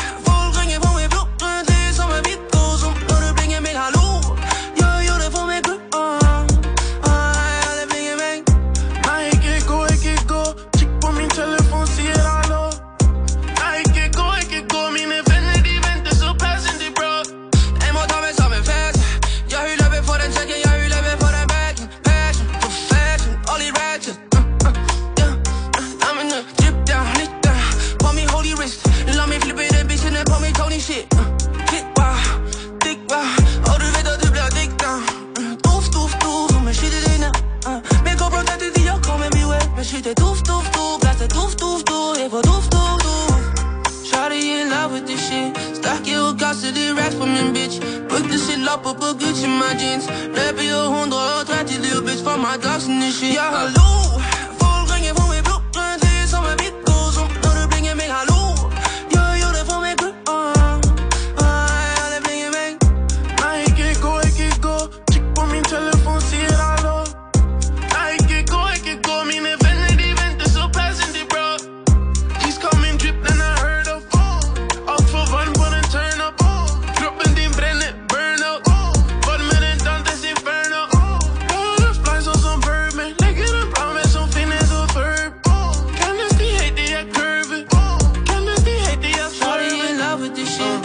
You gas til det rats på min bitch. Book this shit op på Gucci my jeans. Løber jo 130 little bitch for my dogs and this shit. Ja, hallo.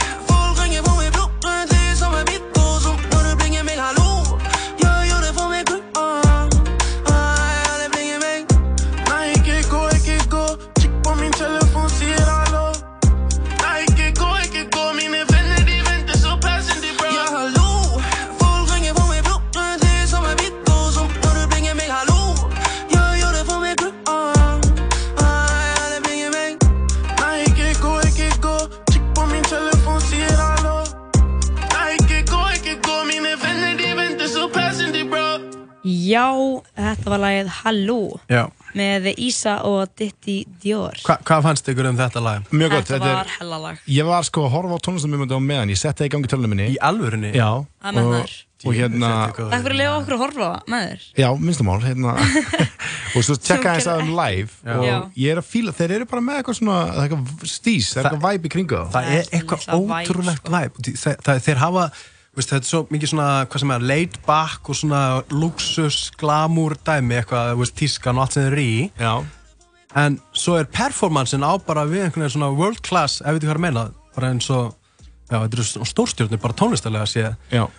Og með autotune og nota það geðað musikalst, getum við sett hérna, Bibba, finna á YouTube, uh, en ef þú vildi vera svo væn, sko, þá er, ef þú skrifa bara Halló og Ísa, Duty, og þá kemur þetta hérna P3 Live. Já. Og er það öðruvísi, hljómar það öðruvísi? Hérna? Já, það er svona akústik útgáfa og þá heyrir maður það hvernig þeir er að syngja saman og með svona performance bara eins og þeir væri bræður á bekkjakvöldi, skiljið. Herru, Einmitt. En þú vilt fá hérna Halló-lægið? Já. Ok, í það playa á sama tíma? Uh, þú, hérna, ræðir þig alveg. Vilt fá hérna P3 live? Ákvæmlega. Þetta er uh, þá live performanceið. Hlustum bara aðeins á það. til taka hérna, ég er með á hinu líka, sko. Já. Það er ekki alveg nokkuð. Oh. Stacky whole custom your ex på min bitch Brugte lapper på Gucci my jeans. Løb i 100 og træk du little bitch for mig Ja, hallo Får ringe for mit lunge Det er som og så Når det blinger mig, hallo Jeg gjør det for mit klub Alle blinger mig Nej, ikke gå, ikke gå Kig på min telefon, hallo Nej, ikke gå, ikke gå Mine venner, de venter så Passer til bro Já, það varst þú? Vá! Ég held að það you ratchet uh, uh, Þetta er æðislegt. Takk hérlega fyrir að kynna okkur fyrir uh, já, Ísa og Ditti Dior. Ekkert mál, ekkert mál. Af hverju er norsk tónlist svona góð? Sko, eitt stórt atrið er ekki, veist, sem að við hérna í Skandinavíu megum ekki vannmænta, það er Svíþjóð, skiljið. Svíþjóð Já. og máttur bara Svíþjóðar í poptónlist. Því að þegar setni heimstyrjöldin kom þá uh, voru bara mjög mörg lönd flækt í stríð en ekki Svíþjóð svona officially skiljið það var alls konar kannski einhver svona vopnaframleysla í gangi baku tjöldin en officially var Svíþjóð bara neutral land og þá voru ótrúlega mörg plötufyrirtæki sem flúðu þangað og opniðu skrifstofur í Svíþjóð Það Svo byrjaði bara maskínan að fara að stað skiljið Abba, Max Martin allir, all, all þessi bara svona songwriting hérna klíka Einmitt. og það hefur mjög góð áhrif á restan af Norrlöndunum Einmitt. Mér finnst bara eins og sérstaklega núna með svona þessi, þessi svona um, tónlist eins og þeirra tónlist. Svona ekki beint rap en þetta er samt Já. bara svona R&B fallegt, skilur. En samt er þetta í smá rap, þú veist, ef maður horfir á það þá myndir maður giska á að vera rappar, Já, já. Og lík, að- mér finnst líka að þeir leggja svo ótrúlega mikið metnað í söngin Já, það, og þeir eru greinilega búin að æfa harmoníunar og einmitt, hvernig þeir hérna, kasta orðunum á milli sín og svona það, hérna, skiptir miklu máli. Já. En sko, en ef að hlusta á eitt annað lag með þeim ég væri til í eitt annan lag með þeim. Hvað, hérna, hvað viltu að ég setja í gang næst þetta fyrir þið? Bon, bon, nei, nei, Bon, nei, bon. nei, Lollipop, Lollipop. Ah, ég var svo erfitt með að velja á milli sko. þau eru bæði geggjuð Það er, er það bara Ísa, hann já, ég held það bara einn? já. En þetta er Ísa Ok. frá Nóri með lagið Lollipop. Viljum aðeins hlusta á þetta og koma svo aftur inn?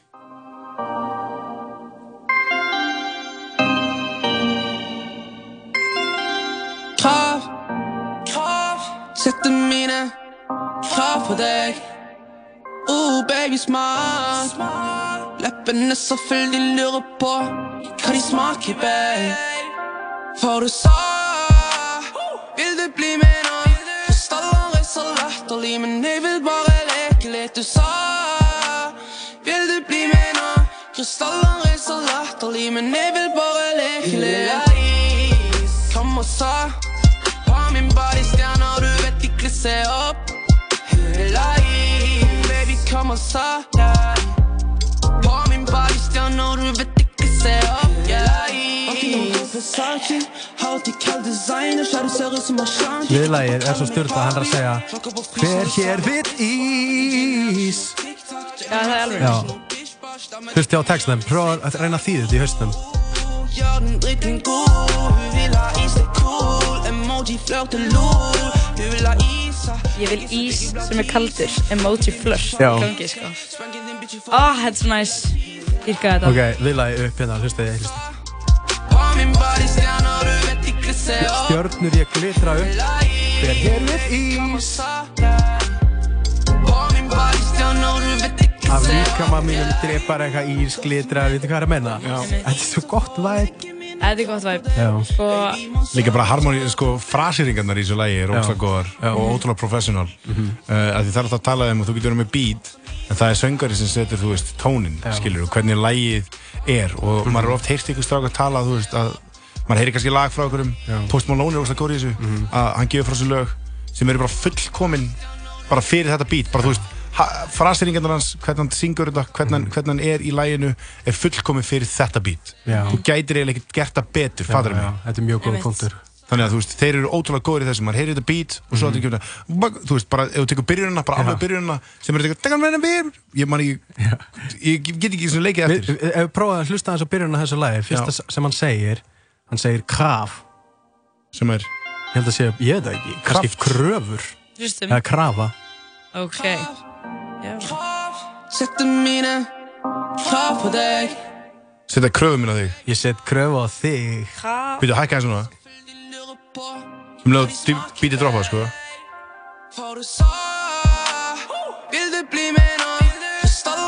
Lettileg. Er. Ok, og ég presentera eitt í viðbútt. Ég til í einni viðbót. Ok. Þú ætlar að koma með þrjá. Já, það, er eitt að í viðbútt. Þessi var nefnilega fucking geggjaður. Næsti gaur heitir Jordan Rakey, hann var að gefa úr geðuga plötu. Ef, ef það fyrsta sem ég var að spila fyrir ykkur er það er svona papparokk, skiljið, svo var ég að spila eitthvað svona nýtt sem er kannski aðeins betur við hljóðheim stöðarinnar. Nú fer ég svona aðeins á milli. Þetta myndi passa perfect á stöðinu og perfect á vínilspilaranum. Ok. Ok. Og Ef að hlusta aðeins á þetta? Sko, ég, ég ætla bara að segja aðeins um þetta, svo svo spilum við það. og, já, Sko, við erum að tala um Jordan Rakey. Jordan Rakey, hann var að gefa út plötu og þetta er konceptplata sem er ógustlega fyndið. Bara eins og Pink Floyd gerur konceptplötu eitthvað úr geiminum og bla bla bla. Þetta er konceptplata en ég fatt maður fatt að það ekki til maður að hlusta því þetta er bara gegn lög en konceptið er sem sagt þegar tölvutnar eru orðnar jafn klárar og mennirnir og, og hvernig svona framtíðin og tæknin eitthvað svona, þetta er svona Black Mirror plata, Ok. þannig séu, konceptið uh, en þetta er ógæðslega nett músík. Og þessi Mhm. gaur er svona 92 mótel frá Nýja Sjálandi og hann er að koma úr þessari jazzsenu í, í, í London sem er eins og hann hérna Thomas Mish eða hvað hann sem við, þú, við erum ofta að spila hérna Já. Tom Mish and then it in the morning day. Já, And já, the já, hann, þetta er allt svona einhver klíka þarna í London. Og þessi BBO er líka hluta því sem við hlustum á fyrst. En já, þetta lag heitir Say Something. Mhm. og já, bara njótið þið. Ok. Svo sannarlega, ég ætla að uh, bara hendur í gang og hækka vel. Say something. Say something. Say something. Say something. Say something to me. Say it like you mean it. Out there thinking you deserve this. All over nothing. Pain isn't meaning. Out there somewhere in the distance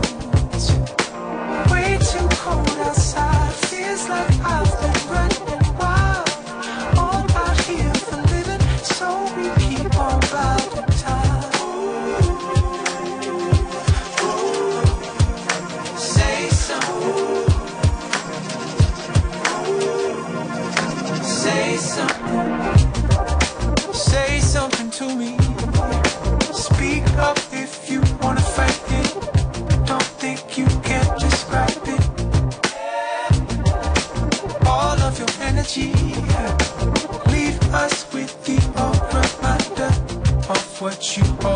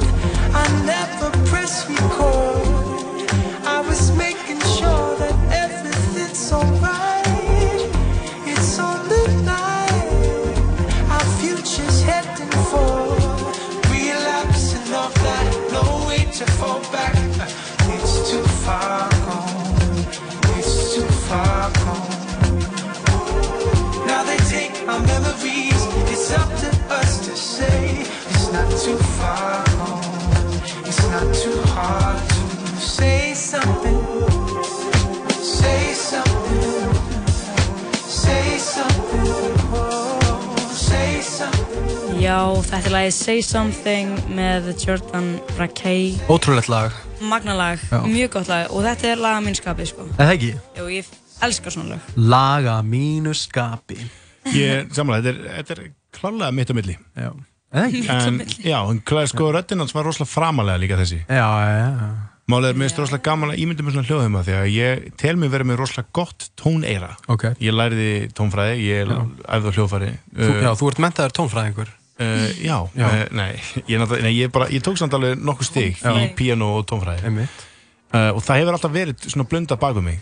Þannig að þegar ég er að heyra þú veist eins og strákættin er að búa til eitthvað beats og eitthvað svona Já. þá oft heyrir maður svona hluti sem maður annarkvæmt finnst kannski svona vera, að taka mikla aðtikli eða taka á litla aðtikli eða þú veist, fattur mig. Þannig. Að mér finnst það gaman ég er nýbyrjar að heyra þetta samt. Já. hvernig tónlistumenn er að setja, setja röddina sína þegar þú heyrir eitthvað ef þú finnst eins og, eins og þú veist, þú maður lókar augunum ef finnst eins og röddin sé í miðjunni og allt hittir í kringum Já. röddina Bara beint fyrir fram Það er einhver þrývítamynd sem að setur upp Sem og að það sjá. er líka það sem að hljóðmaðurinn gerir sko. Einmitt. sem er ótrúlega merkilegt, þú veist, hann bæti bergmáli við ákveðin element eða Já. hefur eitt í vinstra eyrunum meir en hægra En sko, hérna, nú varst að kynna til leiksina þrjá listamenn Já.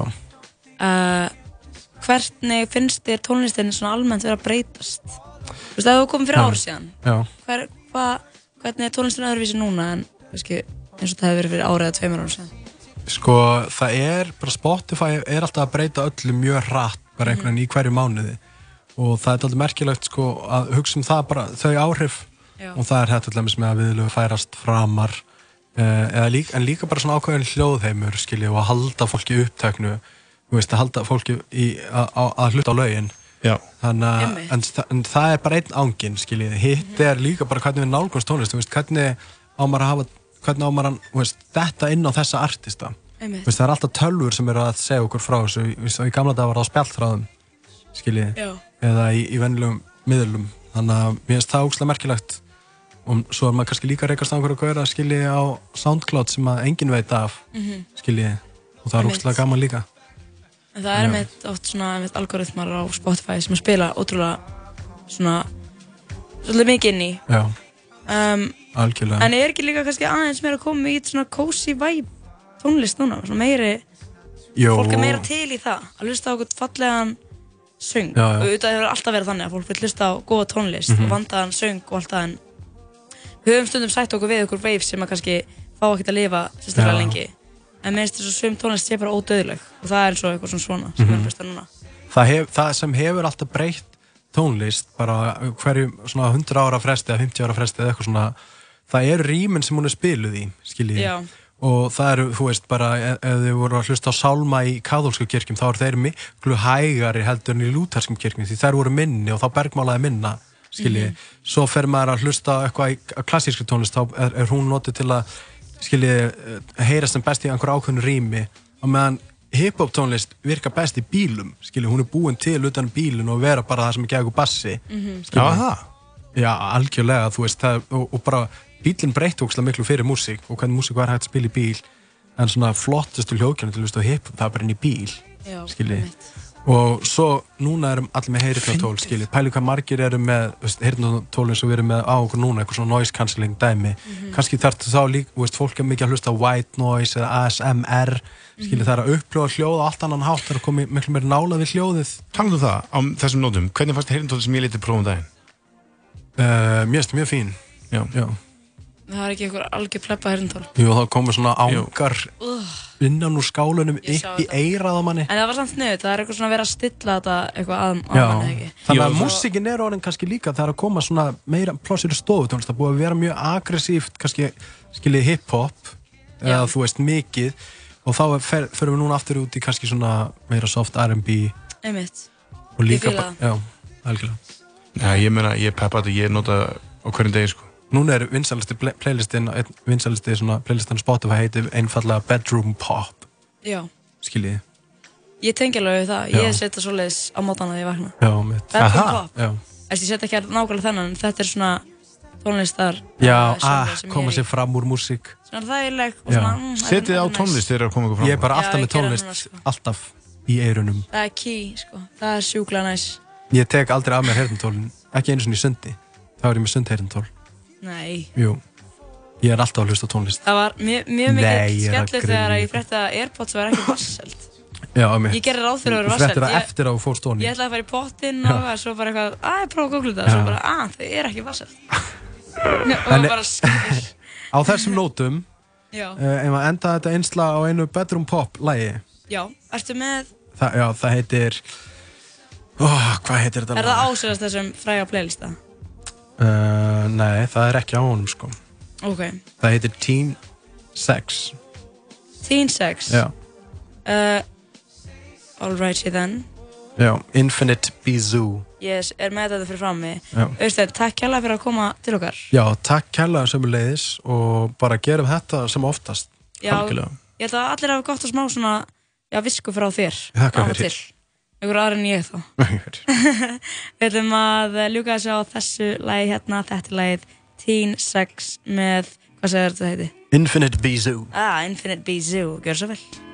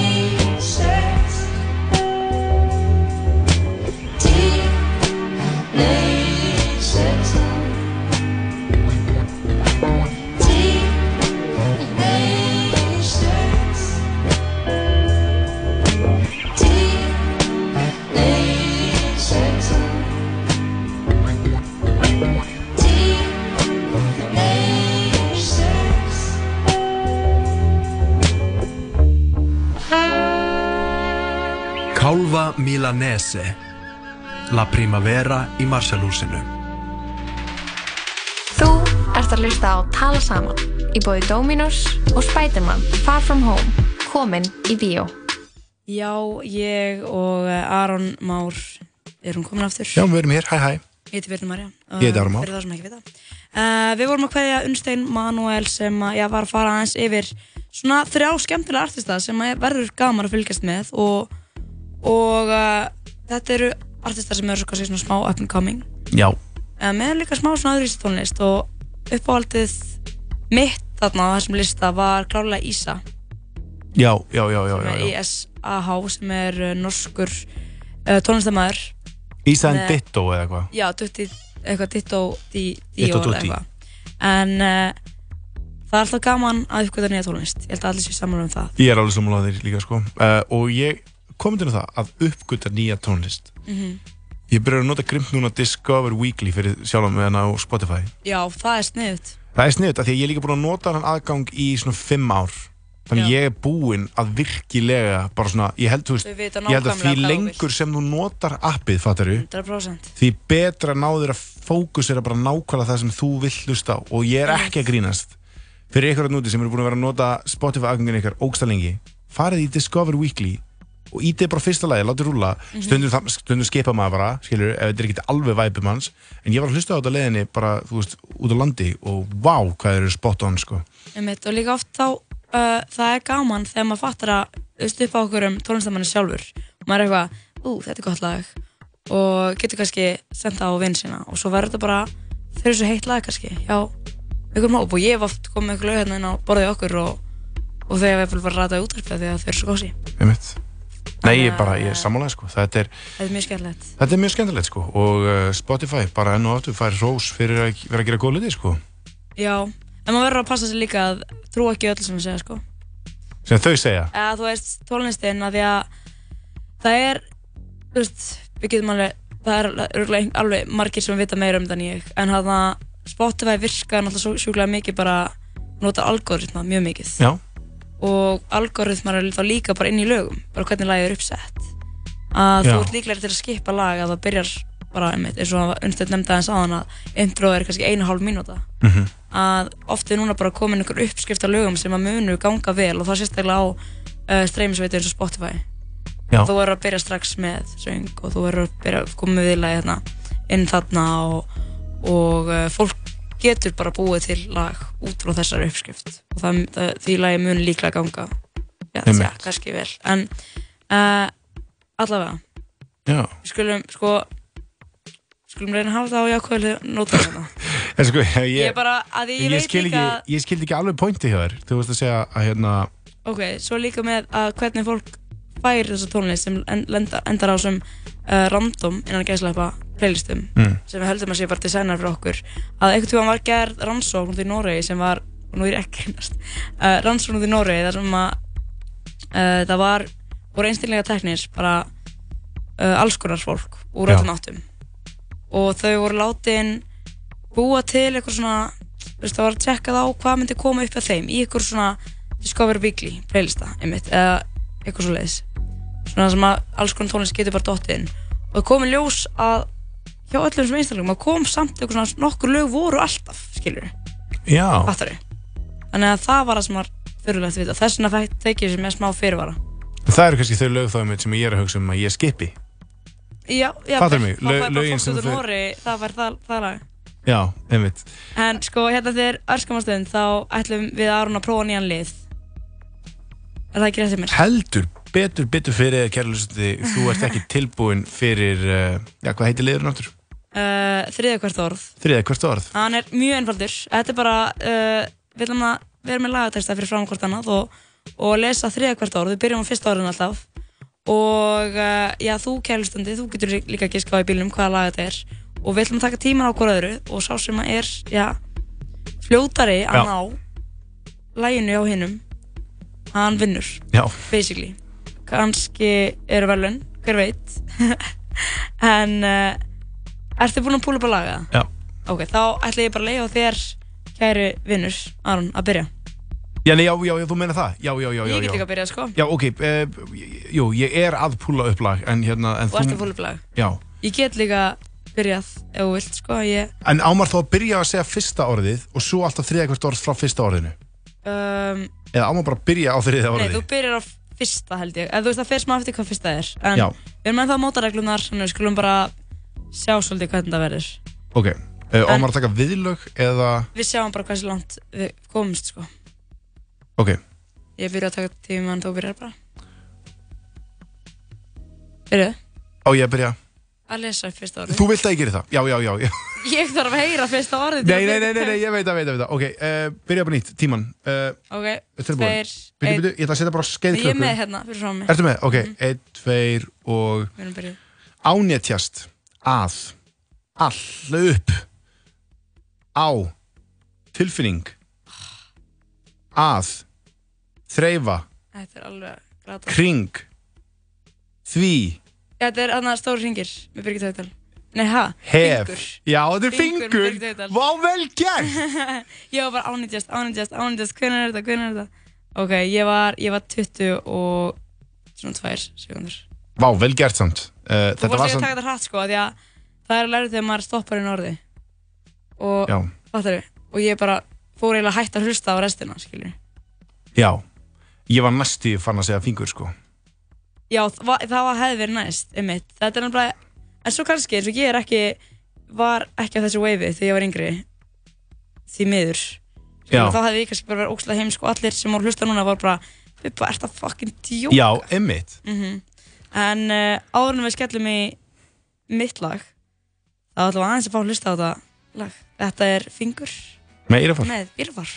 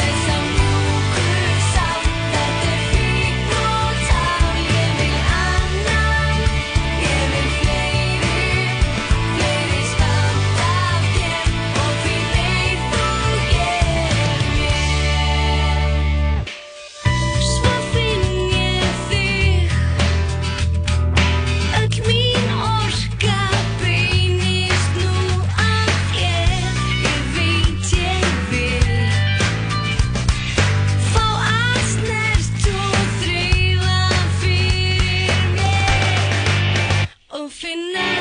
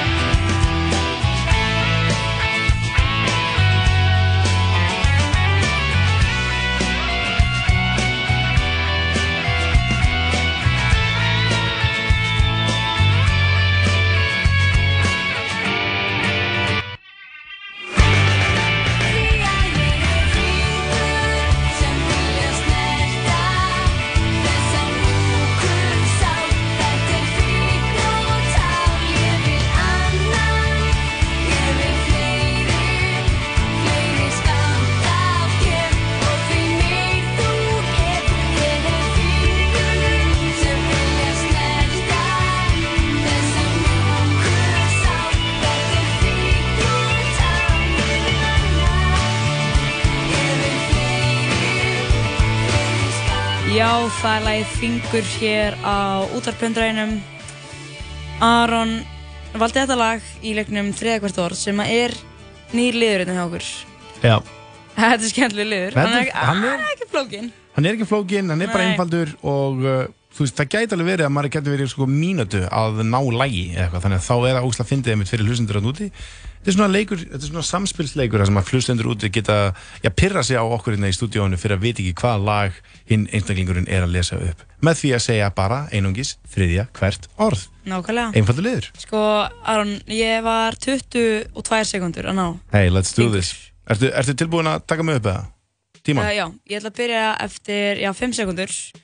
og lesa upp hérna þriða hvort orð og byrja á fyrsta. Byrja með þetta tvær, eina og ég byrja. Ó, mér, stað, á, hvað, frétta, fyrir, spyrja, oh. er, Mm. ég, Nei. gera, að, Óstað fyrir ég gera um, hérna, losna, losna, pent, pent, dónalega, dónalega. vera, oh my god, Þetta er, þetta, þetta, slakur, er þetta með flóna? Tíma. Þetta er lag með flóna, þetta er hérna fjö, Ah! svið, gef mér, að, Trúpi, fávita, trúpi! Nei, money, mér, lenda, uh, ég, ég vil það, strákarnir. Ég vil það. Og, Ekki ég vil það. Nei, áfram, Strákarnir, áfram, uh, bara ég og strákarnir. Uh, MC Gauti, hitta, bara ég og strákarnir. MC Gauti Nei. Nei. hann, Fuck. fyrr, Hvað er í gangi? vasarnir, þykist, Fullir vasarnir. Nei. Alvöru, ok, ok, ok, nú er ég að segja það, telja, að, Ó, telja, telja, telja, telja Já, þetta er hérna sæferinn með já, mikið viss- var, Wow, þetta, þetta er náttúrulega fyrsta erindi er netan Vindilega já, Það er hérna eh, og ertu eitthvað svona að dissa það erindi þá? Nei, nei, nei, nei, bara hvernig byrjaði það aftur? Þetta byrjar hérna Hvernig byrjar lagið aftur? Ó, farð af mér, Já, ó, uh, er það ó eða er það hó? Ég held að sé hó Aron, þú ert að reyna að snúða út úr hérna, Nei, já, nei. Ok, ég er, hei, hefur þú sagt hó Ég hefði í alvörinni geta það að Því hann segir, hó, farna mér fyrir danna stað til að sitja. Ég hef alltaf sett ó og ég hef alltaf heyrt ó, En ef þú segir, ef þú horfir bara eitthvað Ó, ef þú segir bara eitthvað Pæti hvað skrítið að segja, ó, farða mér Fyndi hann stað til að sitja? Þetta er bara eitthvað, hei, hó, farða mér Fyndi hann stað til að sitja. Ekki spurja hver ég er eða hvað ég er að gera Ég er að, ok, hann lag þú kannti þetta lag, segir ég, Já, og þetta kemur á óvart, hvað var ég? 21 sko, þú varst frekar lengi, ég held þú væri að fara að koma með þetta þarna, bara frekar snemma, en ég held að það sé erfiðar að vera, um, svo sem er bara að hlusta, sko, er það ekki nokkuð, nokkuð augljóst? Uh, jú, ég meina, þú veist, fyrir þá sem eru að hlusta og þið vissu þetta lag, við vissu hvað lag þetta var. Við erum að taka annan eða, viltu annan? Við ætlum bara að að hlusta Joey Ég er það. og allir hlusta, hvort segir hann eða hó? Hann segir hó, hann segir hó, býtu, hækkaði, hækkaði.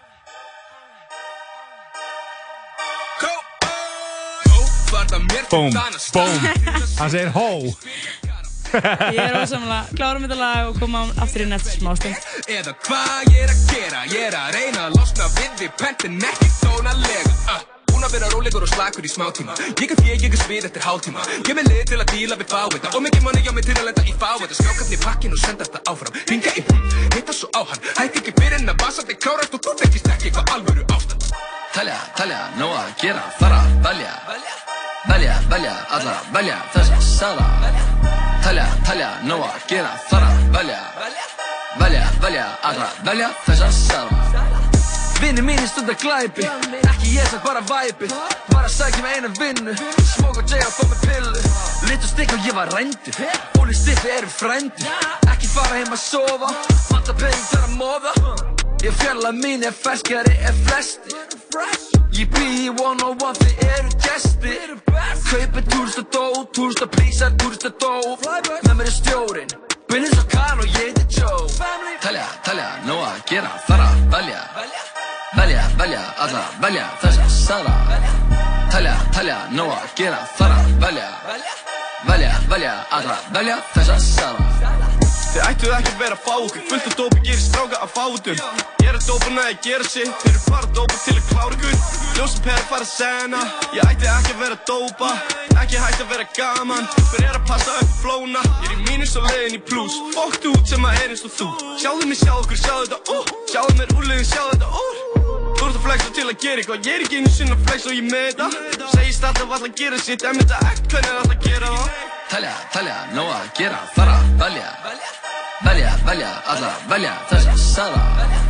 Telja, telja, nóg að gera, fara, velja Velja, velja, allra, velja þessa sala Yeah, er ungu fucking boss kid. Og gæla mín er fucking boss bitch. Sem er dópið fyrir ekki ná klósti Haldið mér sjót og pillu og brosti Ú, úrið mitt kallað og brosti Já, G, ég er með Austin. Þú og vinið þínir eru svona flottir Afhaldi ég er á það mér á það party. Ó, ætti ekki að tala en dóp Með senni í bókan en bókin er stór Þeir kunni ekki að dópa, þeir kunni ekki að host Þeir kunni bara að fara heim fyrir dór Ó, geta svita fyrir reglirnar Ætti sem dekki því ég freka mellum Að trúbi ég tvær hún í glas og þú drekku það X spilum út og ég skrif ekki textana telja, nóg að gera, fara, velja Velja, velja, allra, velja þessa sala Telja, telja, nóg að gera, fara, velja.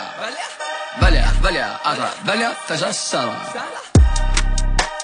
Já, já. Kæri hlustundur, þið heyrðu það hérna bara svart á hvítum Hann segir hó. Hann segir ó. Af hverju ætti hann að segja ó í saminginu því sem hann er að Ó, farða mér, finna hann stað til að sitja. Ok, ok, ok, ok. Ok, skilur við Ég skil þín rauk, ég var ekki búin að hugsa þetta svona langt En allavega þetta var lagið Joey Cypher sem að flestir alltaf þekka Og ég notaði þetta lag í leiknum þriða hvert orð. Liðnum. Vel gert. Og þú tapaðir að við vorum lengur að fatta. Ég held að allir sem voru að hlusta hefur fattað þetta á undan fyrr Já, uh, nei, nefnilega ekki. Af því að þú sagðir ó en ekki hó. Ok, þú getur reynd að kenna þessum En ég var að nota genius.com eða eitthvað. Já, genius.com að er nei hann að láta þennan gauður vita að gæla sem að gera þetta. Allavega, Aron, mér langar að gefa eitt shoutout á hana við slútum þessum þætti. Já, að Því að við erum að tala um það að kona að nafni Sigur, Sigrún Þurriður Gerstóttir ú já, ég til Hún- þetta maður. var í nótt fyrsta kona til að synda svo kallað Eyjasund sem er sem sagt Eyjasundið er frá Vestmanniðum til Landegasands bara Þetta- sama leið og Herjólfur fyrr. Já, og þetta er hvað, ætlaðu, bara byrjar hún í höfninni eða? Uh, ég veit það ekki, hún alltaf var, var fjóra klukkustundir að fara þessa, já, rúmu 11 kilometra en hún var fjóra og hálfan, en Vá. hún, hún bjóst við að verða vera lengur, sko. Mér, Þannig sko, 11, ég hef sund 1,1 á 32 mínútum. Í sjó. Í sjó. Já, það er mjög gott örgulega líka, sko. Þess það geggjaðu, góðu tíma, tíma því að ég var að deyja á þreyti því ég kom upp úr. Einmitt, En þú veist, hún er Og- að taka 11 á fjórum. Einmitt, fjórum og hálfum. Sko, en uh, þetta er svolítið skemmtileg frétt sem er einna inn á fréttablaðinu. Og þar tóku við viðtal við hana. Og hún, sko, einmitt, við vorum ekki að tala um eitthvað, ég var að reyna að tala við hana. En svo föttuðu við að hún var að gera þetta í nótt. Hún byrjaði sérst klukkan eitt í nótt eða eitthvað svolítið og maður vill bara, ég vil helst ekki vera mannskjan sem er að fara að tröfla hana núna. Nei, hún á bara, skil, bara- hún á bara að kvíla hún er bara að kvíla og ekki þurfa að tala um mig. En uh, sko, Hæ, hvernig var þinn dag í gær? Sko, við erum að segja það í samtalið fréttablaðið þá segir hún að henni hafi verið óglatt og hún hafi kastað aðeins upp en annars hafi, hafi henni liðið ágætlega. Shoutout á þessa drottningu sko. Já, ángríns, 11 kastaði km aðeins upp en Þú uh, veist, ég er að, ég er að sko, skíti buksunar og stressa með ykkur við eða sundi núna sko, sem er tveir, svo tæpir tveir, 1,8 það er ekki neitt sko með þetta Þú veist að synda frá fokkin versmónum, hversu oft hef ég pælt í þessan? Ég hef ótrúlega oft pælt í, ég vissi ekki að þetta væri þeng að synda þetta. Nei, ég meina, maður er alltaf að tala um þetta eitthvað svona, "Ah, ég- eitthvað herjólf, eitthvað svona þjóðatíða dót, eitthvað þú syndi bara. Ángríns Bókstaflega, samt, gerðu það. pælti þess að bara geta, geta sagt að það er fokkin epic, geta sagt bara, já, ég hef synd frá eigum í land. Já, einmitt. Það væri hellað. En eins og sér þegar hún kemur upp úr, hún er sko útötuð í svona feiti. Já, einmitt. Og ég held að maður þurfa að gera það sko, en ég held að sko fáin að ekki, þú færði ekki stimpil fyrir að hafa synd eigasundið, eða þú veist, einhver svona stór sund, Mhm. ef þú ert í galla. Ah, ég skilji. Fattar mig? Það er líka örgulega þægilega að vera kannski ekki gala upp á sko að ná að hreyfa. Já, og bara 100%, 100% sko, en það er bara sko eins og ég veit að Grettisundið er 7 km það er fyrir norðan og ég veit ekki á hvað ástífumbilað er Nei. en það er bara, þú skráir því í það sund og þú mátt bara taka með sundgleru, sundhættu og, stund, og sundbuksur Já, bara eins og hann Gretti gerði.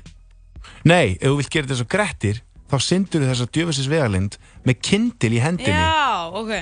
en það gerir það enginn. Það er enginn að synda með annari hendi 7 km í norðursjó. Það væri challenge. challenge Þú not accepted.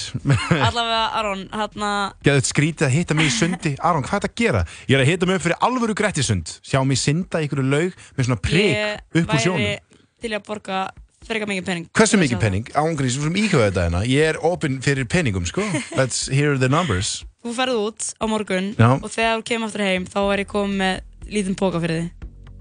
Fer ég út, já, já, já, já, í. Sko, ég ætla að fá að, já, aðeins að ríkappa hvað við erum búin að gera í dag. Gera. Við byrjum að fá Getty Renn til okkar í, já, hún var að leysa vandamál hlustenda. Það var mjög skemmtilegt. Það var úgesla áhugavert Það var mjög áhugavert. Hún er eldklár stelpa og, og já, hún svona kvíslaði svolítið á okkur og hún var að fara út plötu bráðum. Já, Ný tólnist, sorry, fíla. sorry Eldklár Síðan hvernig var hann fucking eldur eitthvað klár Mm, ég veit það ekki. Nei, ég meina pældi bara í þessu orðið Af því Hún að er þú ert eldklár Þú ert fimmur, kannski, eldfimmur. Fimmur Allavega, hann svo fengum við Vinstur Manuel aðeins til að kíkja á okkur. Heldur betur. Hann fór yfir að nýjasta í tónlistinni og kynnti okkur fyrir þremur listamönnum sem við höfum ekki hýrt um áður og hlustum á tónlist eftir þá. Uh, við rættum aðeins Instagram á like. Við viljum, viljum við fá like takkar burt? Já, það ekki. Aron. Hei, við viljum prófa Við viljum prófa, við erum, við, við erum til í það challenge en, Challenge accepted. Og svo, já, endum við á sem nýja lið Þrjú, þriða hvert orð Mjög skemmtilegt Vistu það, Bibba Alltaf gaman að vera með þér í útöfninu ah, Sumleis, við erum að svona, saman aftur kraft okkar hérna. Við vorum saman allir í janúar Snertumst núna, hendurnar okkar snertast hérna. En uh, Aron Már Ólafsson Herru, þú ert sveitt í kærlega- Þú ert sveitt í lófunum. þegið, Ekki segja fólki. Aron Már, takk kærlega fyrir að vera hérna með mér í dag. Já, takk sem leys Og góða ferð út. Takk, ég laki til að koma heim og segja ykkur frá ferðalæðinu mínu. Ég lagi til að hlusta. Sko, ég er með ykkur hérna aftur á Föstu daginn þanga til bara lifið heil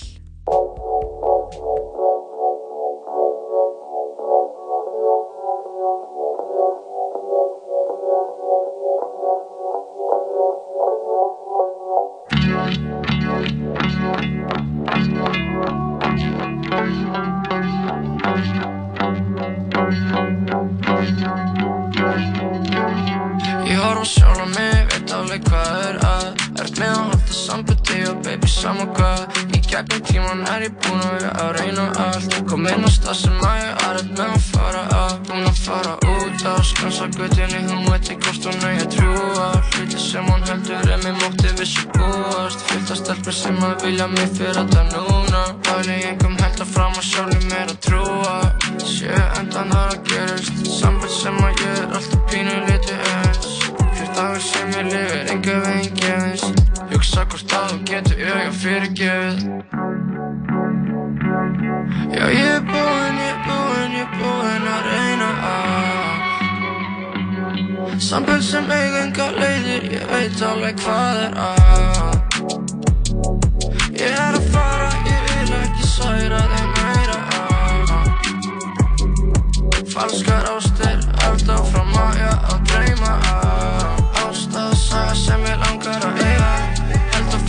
og ég er nýðsamt að leita. Fyll að tón